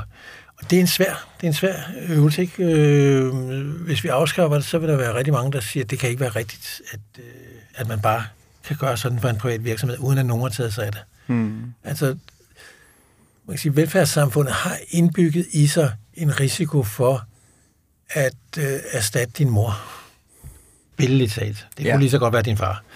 Men, ja. men altså, øh, der er den indbyggede risiko, at øh, det udtryk, der er sådan vel er en 10-15 år gammel om curlingforældre, at samfundet og velfærden kunne blive en curling-velfærd, der, ja. der bærer os gennem det hele og øh, holder vores tilværelse helt fri for problemer og ubehagelige oplevelser og sådan noget. Og den, den anerkender jeg. Den skal vi øh, passe på ikke at få, øh, fordi så ryger opbakningen til velfærdssamfundet. Øh, at det... men, men det handler altså også om, det handler også om sådan helt basale, banale, øh, tage ansvar selv, ikke? Altså noget af det, jeg er både øh, cyklist og fodgænger og øh, indimellem bilist. Noget af det, der sådan stadigvæk kan, jeg, det er jo ved at blive en gammel mand, øh, stadigvæk kan få mig sådan til at åh, snære lidt inden i mig selv, det, det er småbørnsforældre, der øh, lærer deres børn at færdes i trafikken ved at gå over for rødt, eller gå over 10 meter fra en fodgængerovergang, eller køre ja. på cykel i fodgængerovergang. Det ser du. Ej, det ser du altså også. Nej, det, er, det, det er sjovt, Sel, sel, Selvom der er optagelse på, så vil du garanteret medgive mig, at du har set ting, hvor du har tænkt, det kan ikke være rigtigt. Og der ikke, tænker jeg bare... Ikke lige med fodgængerfelt, og der har jeg det oh. faktisk personligt meget modsat. Altså sådan, jeg kan sgu godt finde på at gå over for rødt, men hvis der er børn i nærheden, så holder jeg mig, ja. fordi så, vil, så skal de lige se, hvordan man gør. Ja, men, men altså, jeg oplever det rigtig meget, øh, og der, der er kommet sådan en ny øh, kultur på det der område, og det, det er jo forældre, der tænker, det det kan jeg, men ikke tænker, der sidder et barn i den her Christiania-vogn, øh, som nu lærer, at det er sådan, vi gør. Og ja. der, der synes jeg, der mangler man simpelthen, og nu er det ikke for at hænge småbørnsforældre ud, jeg har jo selv børn og børnebørn, verdens bedste børnebørn, øh, så, så, så det er ikke for at skille ud på dem, bare for at sige, der er altså også en personlig ansvar for at give noget, nogle adfærdsnormer videre ikke, øh, til næste generation. Vi snakker om pizzakasserne. Altså også give sådan nogle, nogle ting videre. Øh, vi kan jo ikke have...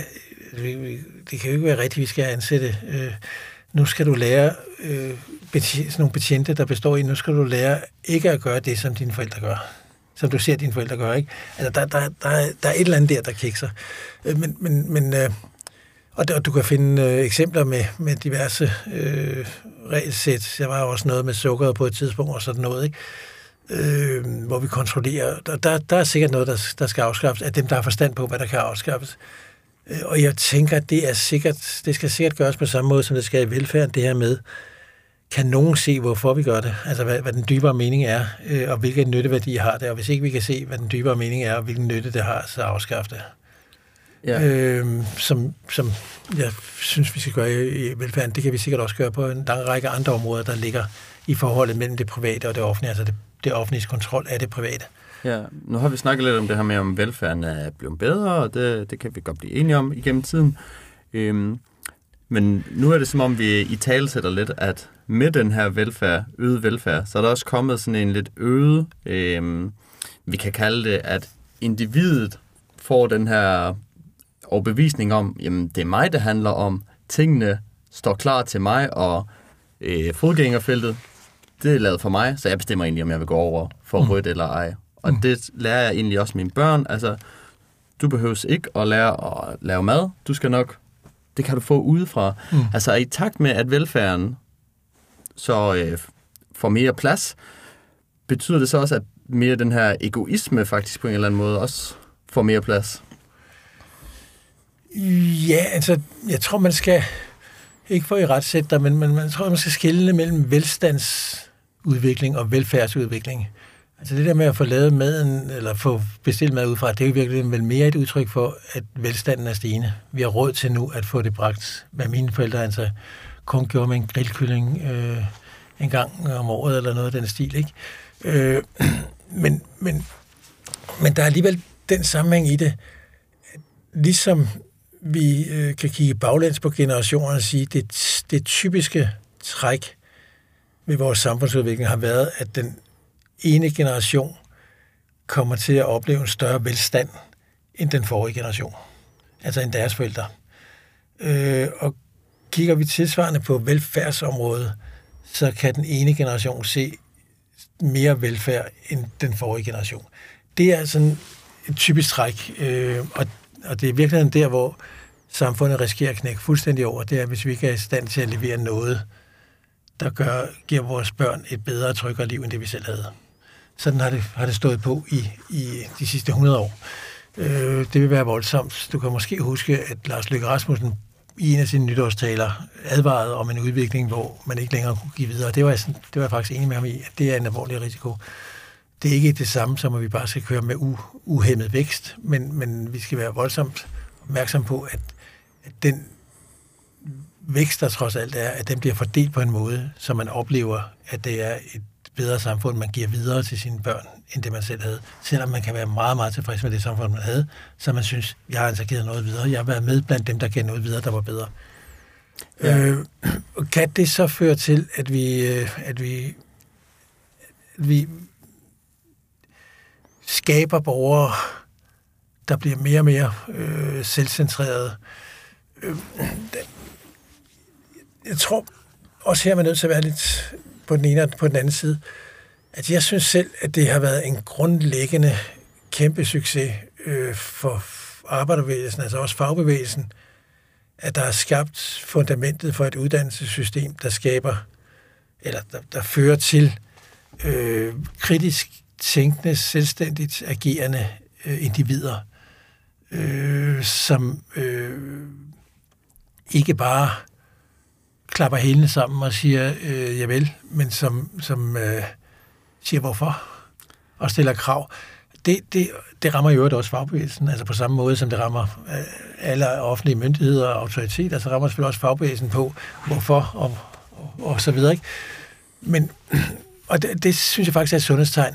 Så er der en anden side af det, som er der, hvor man sætter sin individuelle frihed øh, højere end øh, andres frihed.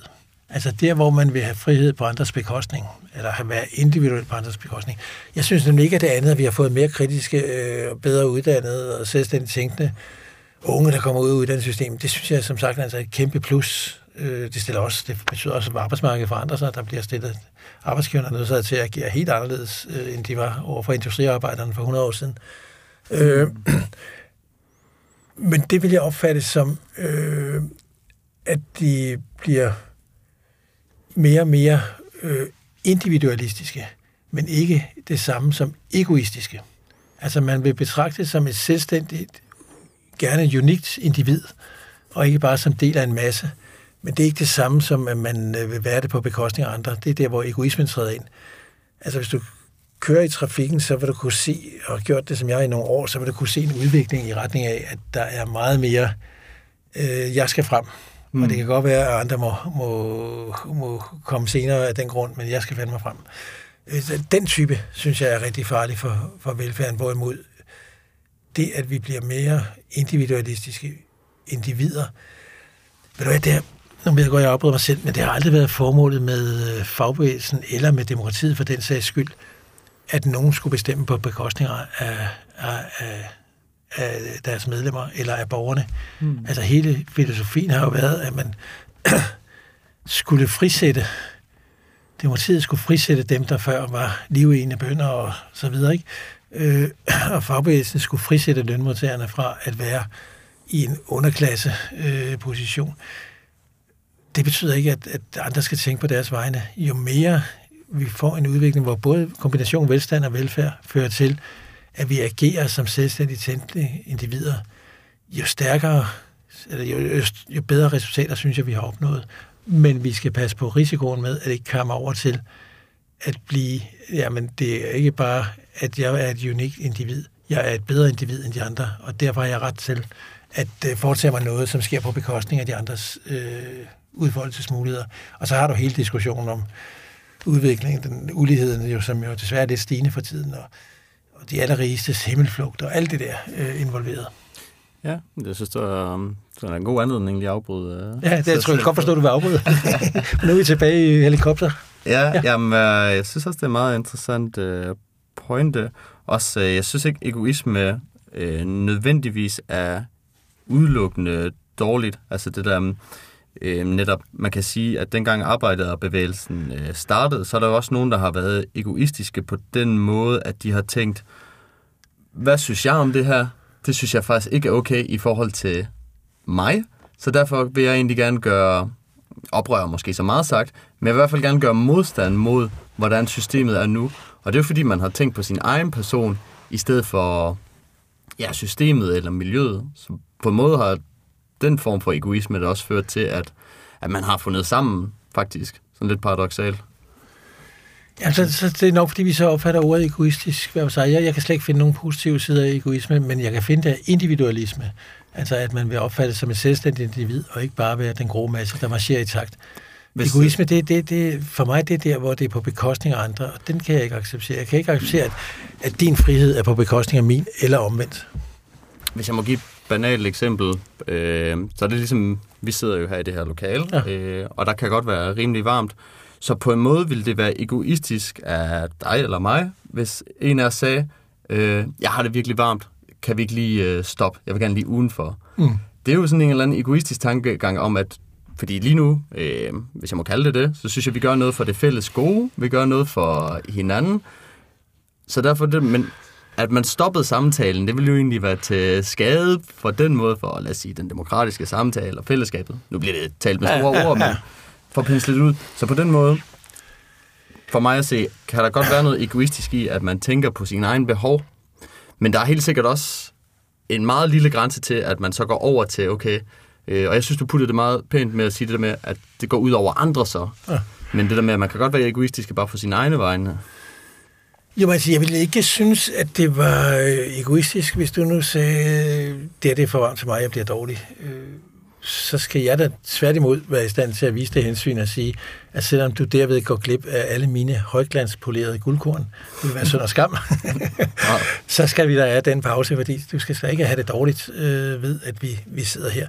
Det, det synes jeg er der, hvor vi tager hensynet til hinanden. Øh, Men der tænker jeg, at man blander hinanden ind i det. At det Ja. fordi der ser det mere bare det der, at det er, det er mit behov. Altså på den måde har det egentlig ikke noget med andre at gøre. Det er bare, hvad har jeg brug for lige nu? Jo, men det er jo, det er jo billedet på velfærden, ikke? Altså, en har et behov, som ikke, ikke nødvendigvis andre har, og det, det dækker vi i fællesskab. Øh, og vi har ville afbryde det her interview i fællesskab, hvis du var ved at blive dårlig. ikke? Altså, Ja. sådan er det jo. Det, det er jo det, der gør, at vi er et samfund, og ikke øh, en, øh, en gruppe individer, der slet ikke har noget med hinanden at gøre.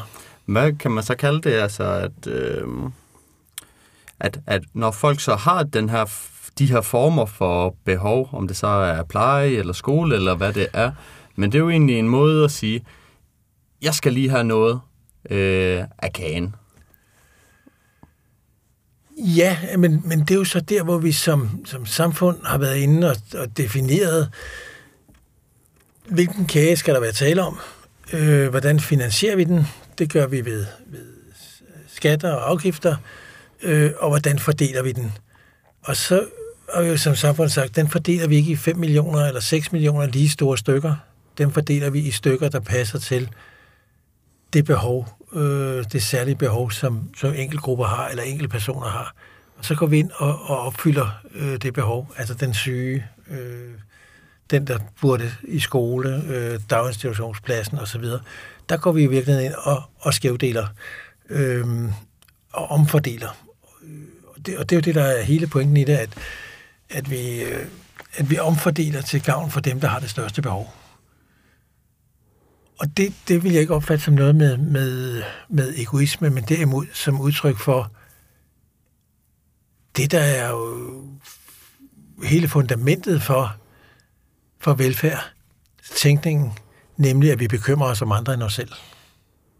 Altså, du vil ikke kunne have et velfærdssamfund, hvis du og jeg hver for sig kun bekymrer os for os selv og vores familie. Så vil, øh, så vil vi ikke være i stand til at øh, kunne sige, at vi skal også have noget, der gør, du og jeg skal lige slippe et par kroner, fordi der er altså nogen, der øh, er alvorligt i knib med deres helbred, eller der står altså nogle folkeskoleelever, der skal uddanne sig. Det, det er jo der, hvor vi går ind og siger, vi er et fællesskab, som, øh, som bekymrer os for andre, og derfor er vi parat til at øh, acceptere, at der er nogen, der får noget, som vi ikke selv får. Til gengæld, så øh, har dem, der har designet velfærdssamfundet oprindeligt, jo været, i perioder været bekymret for, om, øh, om opbakningen kunne forsvinde, hvis ikke der var noget ligesom der var noget på, på hylderne til mange. Og der var vi jo fået sådan et, et velfærdssamfund, som ikke kun skulle tage sig af de dårligst stillede, men også øh, det, der dengang var middelklassen. Altså, at man også kunne få noget der. Vi fik en folkepension, som, som blev universel. Altså universel som velfærdsydelse betyder, at den dækker alle, uden øh, skele til, øh, om man, om man øh, selv, hvad man selv har stående på bankkontoen. Ikke? Øh, det var, folkepension var jo den forstand et forsøg på at sige, at alle får altså i den sidste ende noget ud af, af velfærden. Der er noget, i, for enden, noget for noget tankegangen, vi var inde på mm. før. Der er noget i, øh, i, i skuffen til, til dig til det allersidste. Ikke? Øh, og det, ja. det er jo det, der kendetegner velfærdssamfundet på de fleste områder, at, øh, at vi har gjort det til noget universelt, som øh, hvis du opfylder de objektive betingelser, fyldt 65, 67 år, så jeg ved ikke, hvad din pensionsalder er. Min var 65. Så får du en folkepension. Den er, hvis du har alt for mange penge, så bliver den lidt lavere, men, men du får noget, ikke? Øhm, og du har retten til, uanset om du kunne betale 12 gange øh, for din hospitalsbehandling, uden at mærke det på din økonomi, så får du den altså af det offentlige. Altså, så, så vi har valgt at sige, vi vil ikke se tegnebøger og kontokort øh, i velfærden. Vi, øh, vi stiller til rådighed som den universelle, altså som det alle har krav på, hvis de kommer i X eller Y eller Z situation. Mm. Ja, og det er meget dejligt. Det er en god snak om, øh, om velfærd. Mm. Jeg vil gerne tilbage til arbejdsmarkedet. Yes. En, en kort stund. Ja. Øh, hvis vi skulle snakke om det her med rummelighed. Ja. Øh, eller i hvert fald, hvordan vi kan lad os sige, forbedre arbejdsmarkedet. Øh, fordi du har jo også en stor tilknytning til arbejdsmarkedet. Det må du jo have arbejdet med i mange år. Mm. Øhm, så både hvordan synes du i øh, via FOA har været med til at forbedre arbejdsmarkedet? Øh, der må du enten komme med noget konkret eller sådan lidt bredt termer. Og også altså det her med, hvordan finder vi mere velfærd i arbejdsmarkedet? Ja, altså hvis vi igen må, må starte sådan lidt op i helikopteren, så berører du vel i virkeligheden sådan et, et meget generelt og principielt spørgsmål. Velfærd, er det et folketingsanlæggende, eller er det også et anlæggende for arbejdsmarkedsparter? Og hvis jeg kigger på øh, udviklingen, så er det startet med at være et rent folketingsanlæggende. Nu snakker vi meget forenklet. Ja. Øh, og så er det i stigende grad fra slut 80'erne og frem efter blevet et anlæggende også for arbejdsmarkedets parter.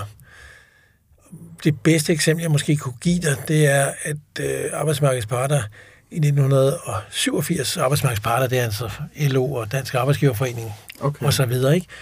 Øh, sammen med øh, finansministeren lavede en aftale, øh, som på den ene side skulle gavne erhvervslivet i forhold til, at vi skulle holde vores omkostninger, så de var konkurrencedygtige, altså virksomhedens omkostninger var konkurrencedygtige med udlandet, og på den anden side, så skulle vi have det, der dengang blev kaldt øget opsparing hos lønmodtagerne, og det skulle ske ved at lave øh, til folkepensionen. Det var der, hvor vi så øh, fik arbejdsmarkedspensionsordningerne. Øh, og det er dem, der omfatter stort set hele arbejdsmarkedet i dag, og som betyder, at du typisk er din, de fleste er på månedsløn, at din månedsløn, der går der et, et, et hak af over en pensionskasse, som står og yngler og bliver investeret til, du til sin tid skal på pension.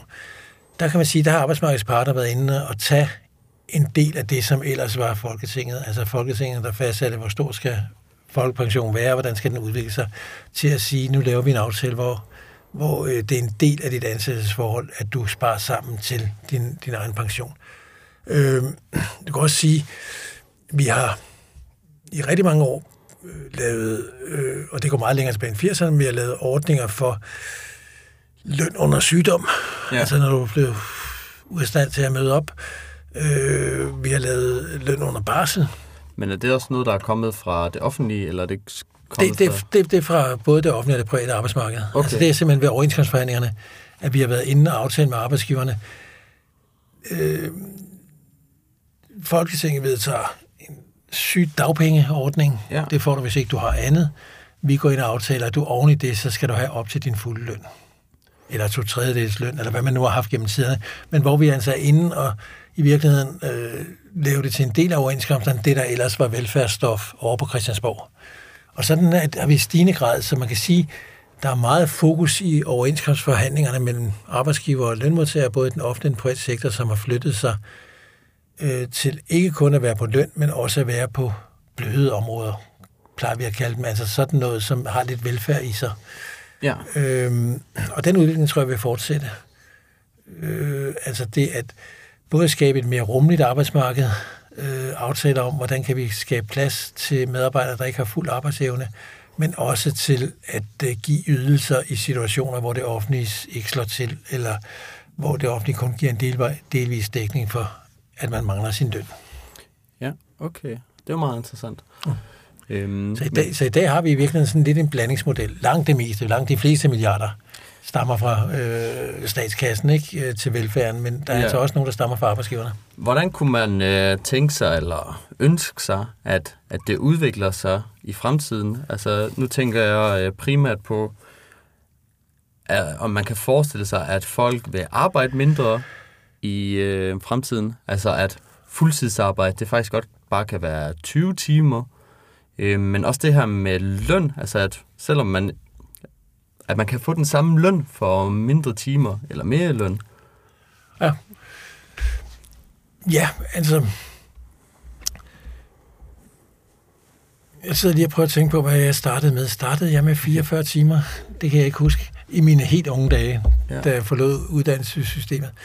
Altså, vi har haft en stadig nedadgående øh, arbejdstid. Ideelt set kunne man jo sige, at, at balance, det kunne, vi kunne balancere mellem øh, produktivitetsstigning og nedsættelse af arbejdstiden. Altså jo mere arbejdsgiveren får ud af hver af vores arbejdstimer, jo færre timer behøver vi at arbejde for at have det samme, for at samfundet havde det samme ud af det. Mm. Øh, sådan er det ikke gået, men det har jo så til gengæld også betydet, at, at samfundet er blevet rigere. Altså vores arbejdstidsnedsættelse har typisk ikke været helt det samme som produktivitetsstigningen, og de er faldet med meget store, øh, altså meget lang tid efter, at produktiviteten er steget. Okay. Altså, jeg ser for mig, at den nuværende 37 timers arbejdsuge, den kommer ikke til at vare for evigt. Altså, vi kommer formentlig til på et tidspunkt at komme på 35, og vi kommer nok også ned på 30 timer øh, inden for en overskuelig årrække, men det er altså, så snakker vi nogle årtier, det tror jeg, Ja, der skal gætte. Øh, og, og det, hvis det skal give nogen mening, og der vil være nogen, der er uenige, hvis det skal give nogen mening, så skal det være til den samme løn, man har haft. Det kalder vi sådan i vores organisationsvahili for, at det er med fuld lønkompensation. Ja, og det kan jeg godt øh, følge, hvorfor, hvorfor man skal have den tankegang. Jeg sidder og tænker på, om øh, man kunne forestille sig, at fordi vi øh, siger, jamen vi, øh, vi har et samfund, hvor vi faktisk godt kan arbejde mindre, øh, men det betyder også, at arbejdsgiveren jo så har mindre produktion per medarbejder, fordi de jo naturligvis ikke er der lige så meget. Så derfor vil arbejdsgiveren give mindre i løn. Så kunne man forestille sig, at staten faktisk tog ind og også gjorde det til en form for velfærd? Altså det her med, at så betaler øh, arbejdsgiveren, lad os sige 70 procent, og staten betaler de sidste 30 procent, for at lønnen bliver balanceret på den måde, men man så til gode ser, at individet får mere fritid, og på den måde også den form for velfærd. Altså, det, det, du er sådan i en øh, kvart borgerløns, eller femtedel borgerløns tankegang, eller ja, noget af den stil, det ikke? godt ja. vil jeg tro. Øh, altså, det med, med statens bidrag, det er jo i virkeligheden så også lønmodtagernes øh, skattepenge. Øh, så man kan sige, i en vis forstand, så vil det indebære, at lønmodtagerne indbetalte skat og fik noget af det tilbage øh, til at dække den del af den nedsatte arbejdstid, som de ikke fik løn fra arbejdsgiveren for, ikke? Jeg synes, det er en lidt kringlet fasong at tænke, tænke, at man indbetaler for noget tilbage, ikke? Øh, altså, jeg tror mere på, at øh, de arbejdstidsnedsættelser, der vil blive kæmpet igennem med kommende overenskomstfornyelser ud i fremtiden, de vil basere sig der på, at omkostninger, lønomkostninger er faldende. Øhm, og det er de dels, fordi den enkelte medarbejder er mere produktiv, produktiv, men så sandelig også på grund af den teknologiske udvikling. Øh, robotter og hele IT-udviklingen osv. vil gøre, at arbejdsgiveren får mere ud af hver arbejdstime. Og så vil det i virkeligheden være sådan lønmodtagernes kamp for at få en andel af det, som øh, arbejdsgiveren får mere ud af det, ved at få nedsat arbejdstiden. Øhm, alle undersøgelser, jeg har kendskab til på sådan almindelig lønmodtagerniveau, forårsmedlemmer og andre, der er jo øh, der er fritiden været stigende vigtig gennem en længere årrække. Altså man vil så at sige gerne leve et liv uden for arbejdslivet også. Men samtidig ser vi også en anden tendens, øh, især i, i vidensfag, øh, IT-baseret fag og sådan noget, til, at, den, at arbejdstid bliver flydende. Det der med, at jeg møder ikke klokken 7 og går hjem klokken 15 eller 8 til 16 eller sådan noget, men, men jeg arbejder, når jobbet, når opgaven er der, når, når, når, når der er behov for det osv. Øh, men, men den del kommer ikke til rigtig at ske på en række helt fundamentale øh, områder.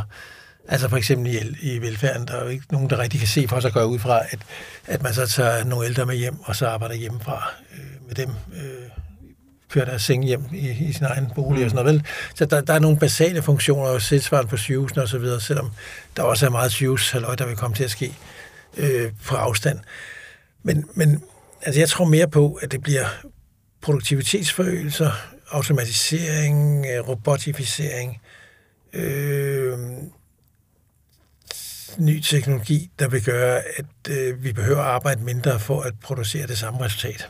Altså ja, men for at få det samme antal dividutter ud i den sidste ende. Ja, men det betyder jo så også, at der er flere øh, hænder, der ikke skal være aktive, og så på den ene side mm. kan vi sige, kalde det mere fritid, øh, men det betyder jo også, at arbejdsgiverne er mindre afhængige af mennesker til at lave arbejde, øh, så, så det bliver et spørgsmål om det der, jamen betyder det så, at flere mennesker skal på øh, overførselsindkomst? Altså at de skal have dagpenge eller nærmest førtidspension? Fordi så mange af jobsene simpelthen bare går til robotter?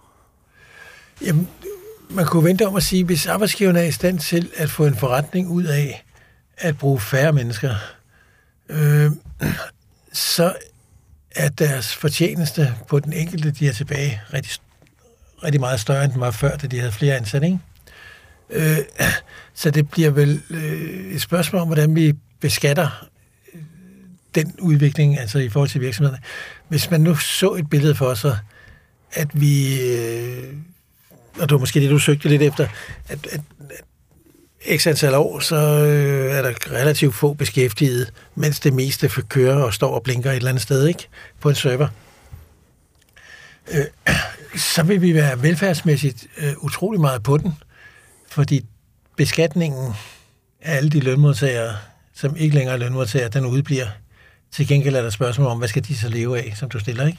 Så derfor bliver det vel et spørgsmål om at flytte beskatning fra det, der har været klassisk, nemlig lønarbejde, og så over på de virksomheder, som øh, så, så tjener på robotterne.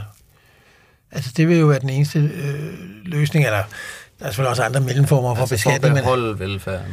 Ja, for, for, for øh, hvis, hvis ikke vi skal skabe et samfund, hvor vi siger, at det, dem, der kan klare sig, de må klare sig, øh, som jo er i sin yderste konsekvenser meget fortegnet og sådan noget, er øh, endestationen ved ikke at have et fælles ansvarlighed for noget som helst. Ja, man kan... Jeg ved ikke lige, om det er det, du tænker på, men man kan vel også kalde det, at der er en endestation, der hedder, øh, hvis du vil holde fri, så holder du bare fri. Fordi de essentielle arbejde, der er noget af det, lad os tage landbrug, det er meget essentielt, det bliver mere eller mindre automatiseret, og så har vi nogle få hænder der, det er rigeligt. Vi har det over ved kernevelfærd, øh, sådan noget som lærer og sygeplejersker, det skulle man nok ikke få byttet ud med robotter. Men din daglige varer, dine busser, det er automatiseret, så vi har egentlig masser af fritid i parken for dig, hvis du har lyst til det. Ja, men, men du, du var bare lige det der, hvordan finansierer jeg så min tilværelse? Ja, jamen der er...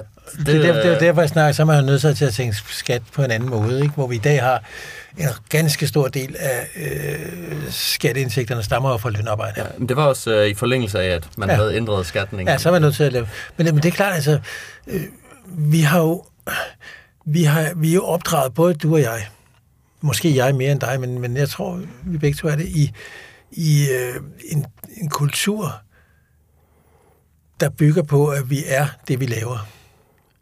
Altså, vi sætter os til en middag, sidder sammen, eller har, en ved siden af, som vi ikke kender, og så udveksler vi det obligatoriske spørgsmål. Nå, hvad laver du så? Ja.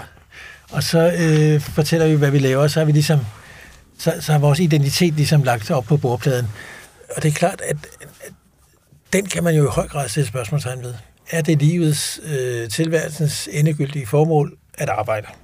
Hmm. Øh, det, vi kommer fra en situation, hvor det var en livsnødvendighed, som ingen stillede spørgsmålstegn ved, fordi man skulle. Sådan var det jo. Øh, og vi er på vej ud i en, en fremtid, hvor at sådan er det ikke nødvendigvis, bliver, bliver dagsordenen.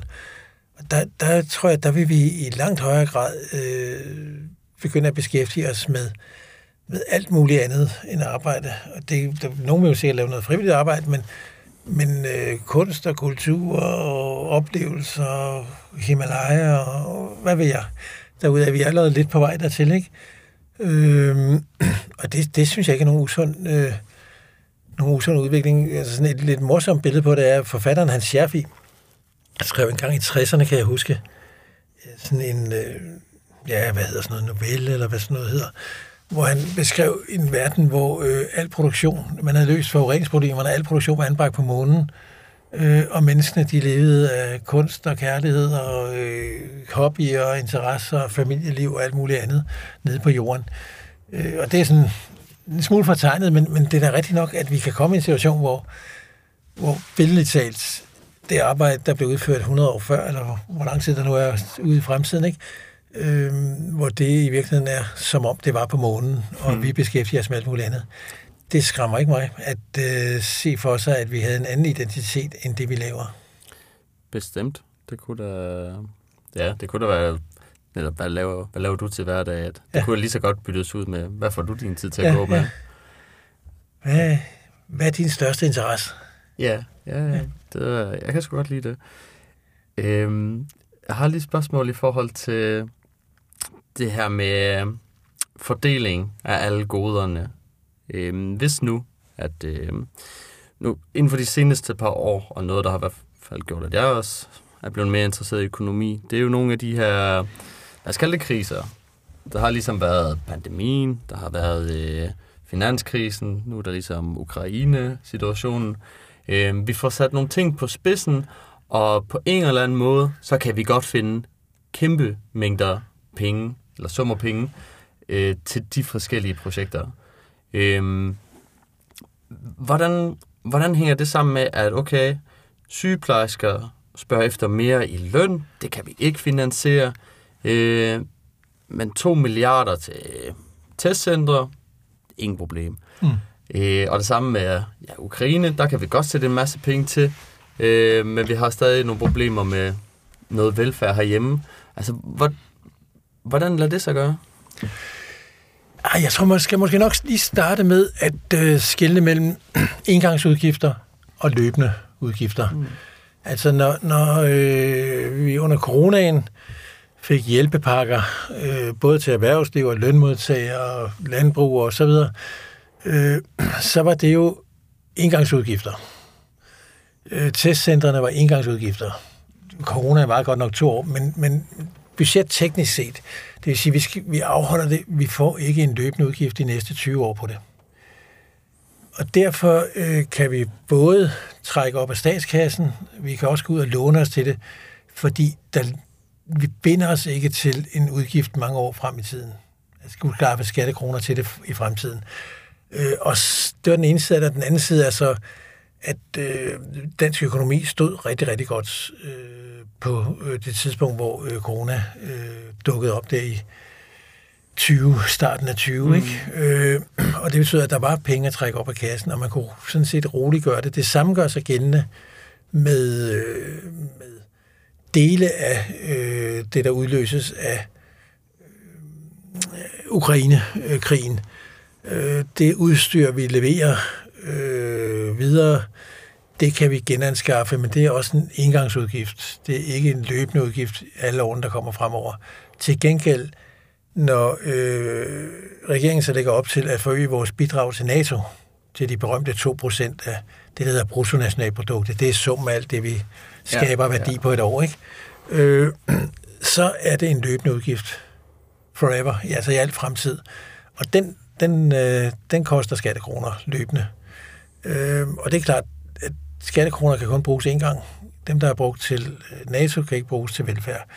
Derfor har der også været lidt grund, synes jeg, til, jeg har også selv gjort lidt ud af det, skrive lidt om det, lidt bekymring for, om øh, det, der var den nuværende regerings målsætning om, at vi skulle have en genopretning af velfærden. Altså mange års besparelser skulle begynde så småt at blive erstattet af at fylde nogle huller op. Om der bliver penge til det i den sidste ende, fordi så er vi derovre, hvor det er løbende driftsudgifter, altså hver eneste år.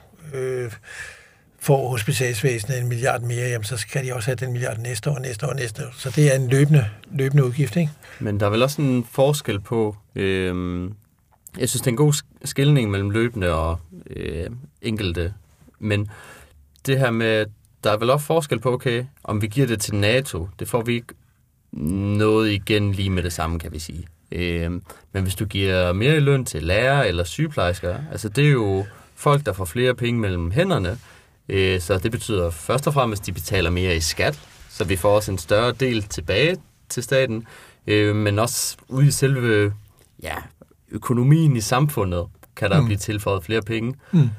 Så der, det har vel nogle større gevinster, end, end for eksempel, hvis det går til NATO. Ja, det er du ret i. Man må nok, nok anstændigvis sige, at, at der, det, kommer, det kommer også til at kaste nogle danske arbejdspladser altså at investere mere i forsvaret.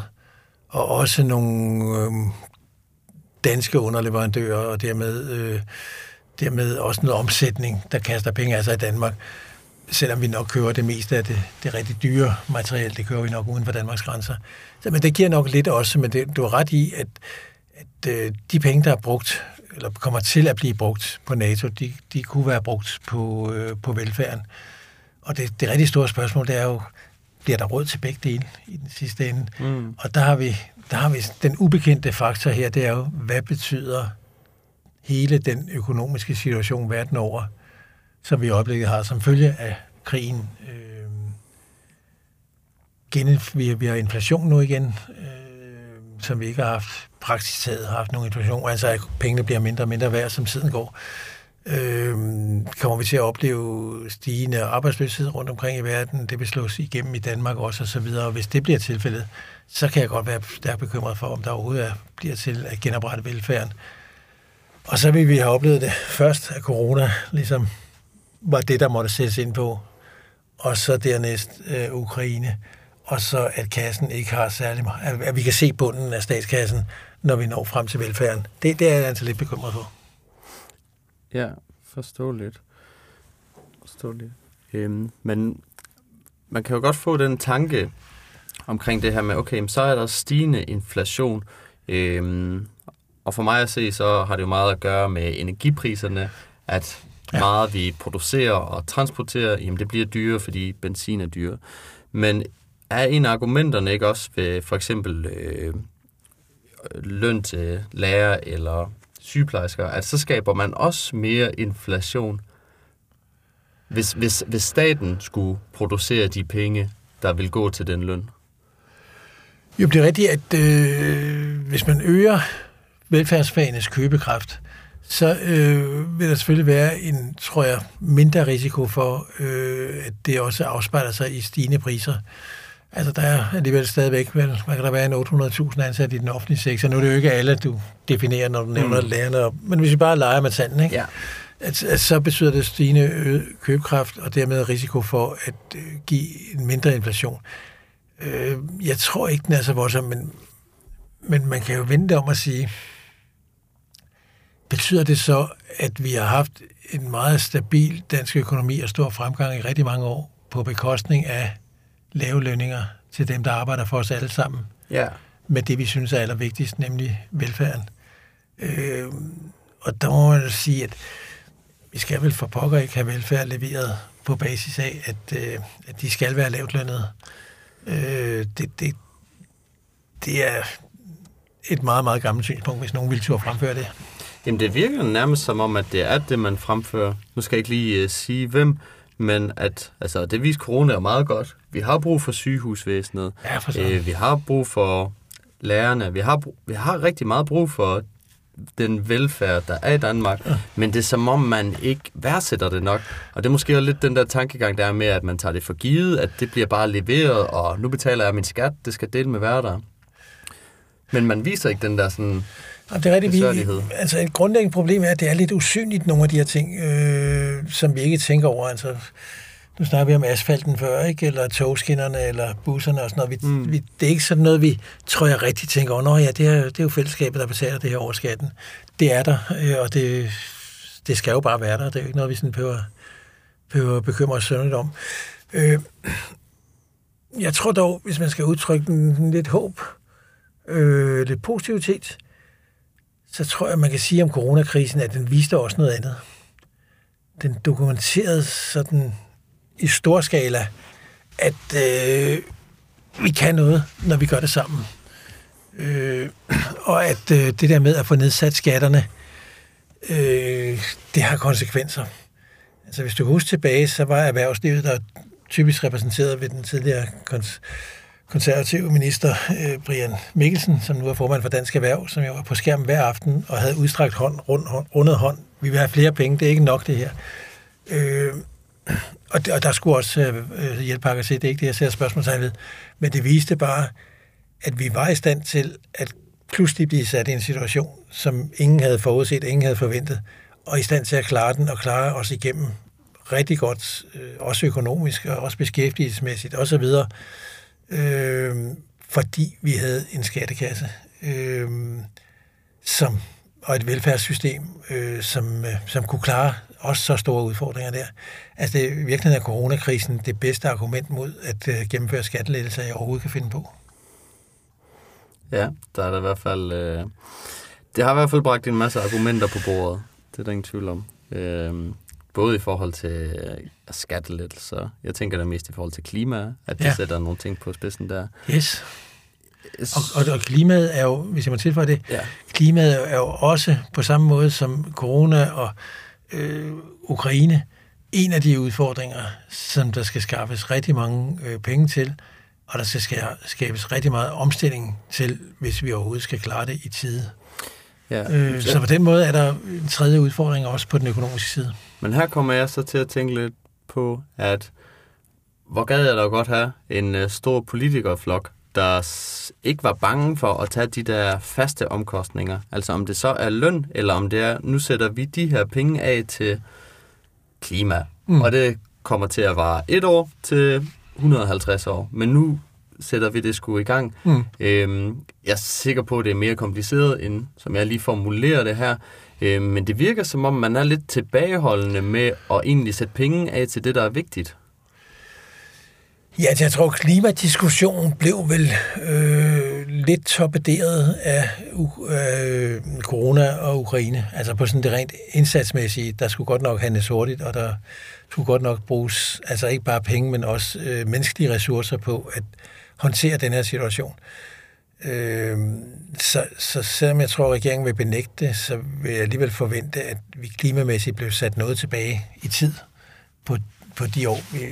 De, regeringen har jo selv sat en, en 10-års periode. Jeg tror, mm. vi mistede tid ja. på corona. Det, det, man kan næsten ikke forestille sig andet, vel? Det må have kostet så mange administrative embedsmandskræfter, og hvad ved jeg. Øh, så, så, men, men du, du har ret i, det ville være fantastisk dejligt, hvis vi kunne se sådan en linje gennem hele Folketinget, der sagde, vi har en masse problemer, vi skal løse, herunder også velfærden og så videre. Men forudsætningen for, at det giver mening at løse velfærden, det er, at der er et øh, samfund, som er i stand til at overleve. Og derfor så er klima, øh, så skal klima løses øh, så godt vi nu kan bidrage til i Danmark. Mm. Og så skal vi påvirke så godt vi som det her lille land, vi er, øh, i forhold til resten af verden. Og det, den måde, vi kan påvirke med, med vores meget beskedende størrelse, det er vel i virkeligheden kun at prøve at være rollemodel og skoleeksempel. Lidt ligesom med velfærd. Mm, ja, præcis, præcis. Godt. En, øh, en sidste ting, jeg gerne vil tale om, det er, øh, det er lidt den her, nu snakker vi om overlevelse og lidt om fremtiden. Og der er jo ligesom lidt to veje at gå der. Øh, den ene vej, det kan vi kalde velfærd. Om det så enten er klima eller ja, pleje, eller hvad det skulle være. Og den anden, den hedder vækst. Der er nogen, der siger, at de to hænger sammen. Jeg vil bare sige, at øh, ikke, ikke lige til at starte med i hvert fald, der er, kommer de hver sit sted fra. Øh, men vækst skal der til, er der nogen, der påstår. Er, er, er det også noget, du ser, at, at de enten er sammenhængende, eller er de adskilte? Eller supplerende for hinanden, kan man nok kalde det. Altså klima og vækst? Nej, egentlig velfærd og vækst. Og så velfærd. tager vi klima under okay. velfærd. Jamen, og jeg vil starte med at anerkende, at selvfølgelig bliver vores øh, muligheder for at skabe bedre velfærd forbedret med større vækst, hvis ikke vi bruger væksten til skattelettelser. Det er selvfølgelig forudsætningen, fordi så er penge der ikke. Men hvis det er tilfældet, så, så giver det bedre øh, muligheder for at levere den gode øh, velfærd, og også udvikle velfærden i takt med danskernes behov, for det er jo nok så væsentligt. Altså det, som man opfattede som behov i 1960'erne som dansker, og det, man gør det i 2022, det er altså ret langt fra hinanden. Der, hverken du eller jeg ville kunne se for os, at vi fik et ugenligt bad på et, et plejehjem, vel? Eller mm. der blev gjort rent hver fjerde uge. Det, det, ja. Vi kan simpelthen ikke se det, vel? Det er ja. simpelthen for utænkeligt. Så, så selvfølgelig udvikler kraven sig. Der er også nogle ydelser, der, der, der, der skal væk, der falder væk, fordi de ikke længere er aktuelle. Altså, for årtier tilbage, der havde vi en husmorafløserordning, når øh, mor kom på hospitalet syg eller skulle føde, ja, så, så stod manden jo derhjemme med børnene, og, og han kunne jo hverken lave mad eller vaske op, så sendte kommunen en husmorafløser ud så længe. Ikke? Den ting er jo for længst øh, skåret væk, så selvfølgelig skal velfærden tilpasse sig udviklingen i samfundet. Ja. Men, men når du så øh, hænger vækst på som mere generelt begreb, og sætter det også i forhold til, til klimaet, så hører jeg ikke til dem, der tror på øh, den, den evige vækst, øh, og bare skråt opad, stejlt skråt opad øh, til evig tid. Altså, øh, den her klode øh, kan vi også smadre, øh, hvis vi bare tror, vi kan vækste os ud af alting. Hmm. Øh, og derfor så er vækst og klima i høj grad forbundet. Altså, vi er nødsaget til at se i øjnene, at vi ikke får den samme vækst, som vi havde, som vi i hvert fald har haft de sidste, ja, i efterkrigsperioden. Altså det vil sige de sidste 60 år. Øh, med mindre, at det er en vækst, der kan skabes på et klimamæssigt og ressourcemæssigt og de to ting øh, bæredygtigt grundlag, og på en måde, hvor vi ikke til stadighed uddyber kløften mellem den rige verden og den fattige verden. Altså, altså mere hvis, ulighed? Ja, på verdensplan, ikke? Ja, ja. Altså, hvis, hvis, hvis vi ikke får en vækst, som er større i de lande, der ligger langt bagefter, også økonomisk, så vil vi få en mere og mere ufredelig verden. Mm. Og flere og flere migrationsproblemer og alt muligt andet. Så derfor skal vi både, vi skal både i vækstdiskussionen indtænke klimaet, hvad betyder det for klimaet, vi skal tænke på, hvad betyder det for naturressourcerne, og så skal vi betyde, hvad betyder det for den globale fordeling af goderne. Ja. Kan man Ellers så, går det galt. Ja, kan man, øh, kan man kode det ned til, altså i Danmark, der skal vi tænke på øh, velfærd, og på global plan, der skal vi faktisk tænke på velstand. Altså det her med, at at vi hæver den Jamen, generelle er, levestandard for andre lande? Jamen det, det er jeg enig i. Altså, forudsætningen for et velfærdssamfund, det er også et vis velstandsniveau. Man kan ikke skabe velfærd baseret på et, et meget, meget fattigt land, hvor måske 1% af befolkningen er super rige, øh, mens resten lever i, i bundløs fattigdom. Så der skal sådan en, en vis vækst til, der skal en velstand, og der skal en omfordeling til, altså en bedre fordeling af, af, ressourcer, eller af velstanden i de pågældende lande. Men så skal de altså også hæves højere op, for at øh, vi får vi får nivelleret ud på de enorme forskelle, der er mellem den rige del af verden og den fattigste del af verden. Ja, ja. Det øh, lyder som en god uh, slutning på, hvad ja. velfærd det er. Så slutter vi også op i helikopteren. Vi var lige ude og hoppe. Ja. Kommer vi op igen, ligesom en bungee jump. Ja. Ja, godt. Øh, det var en fornøjelse at snakke med dig, Dennis Christensen. Jamen lige måde.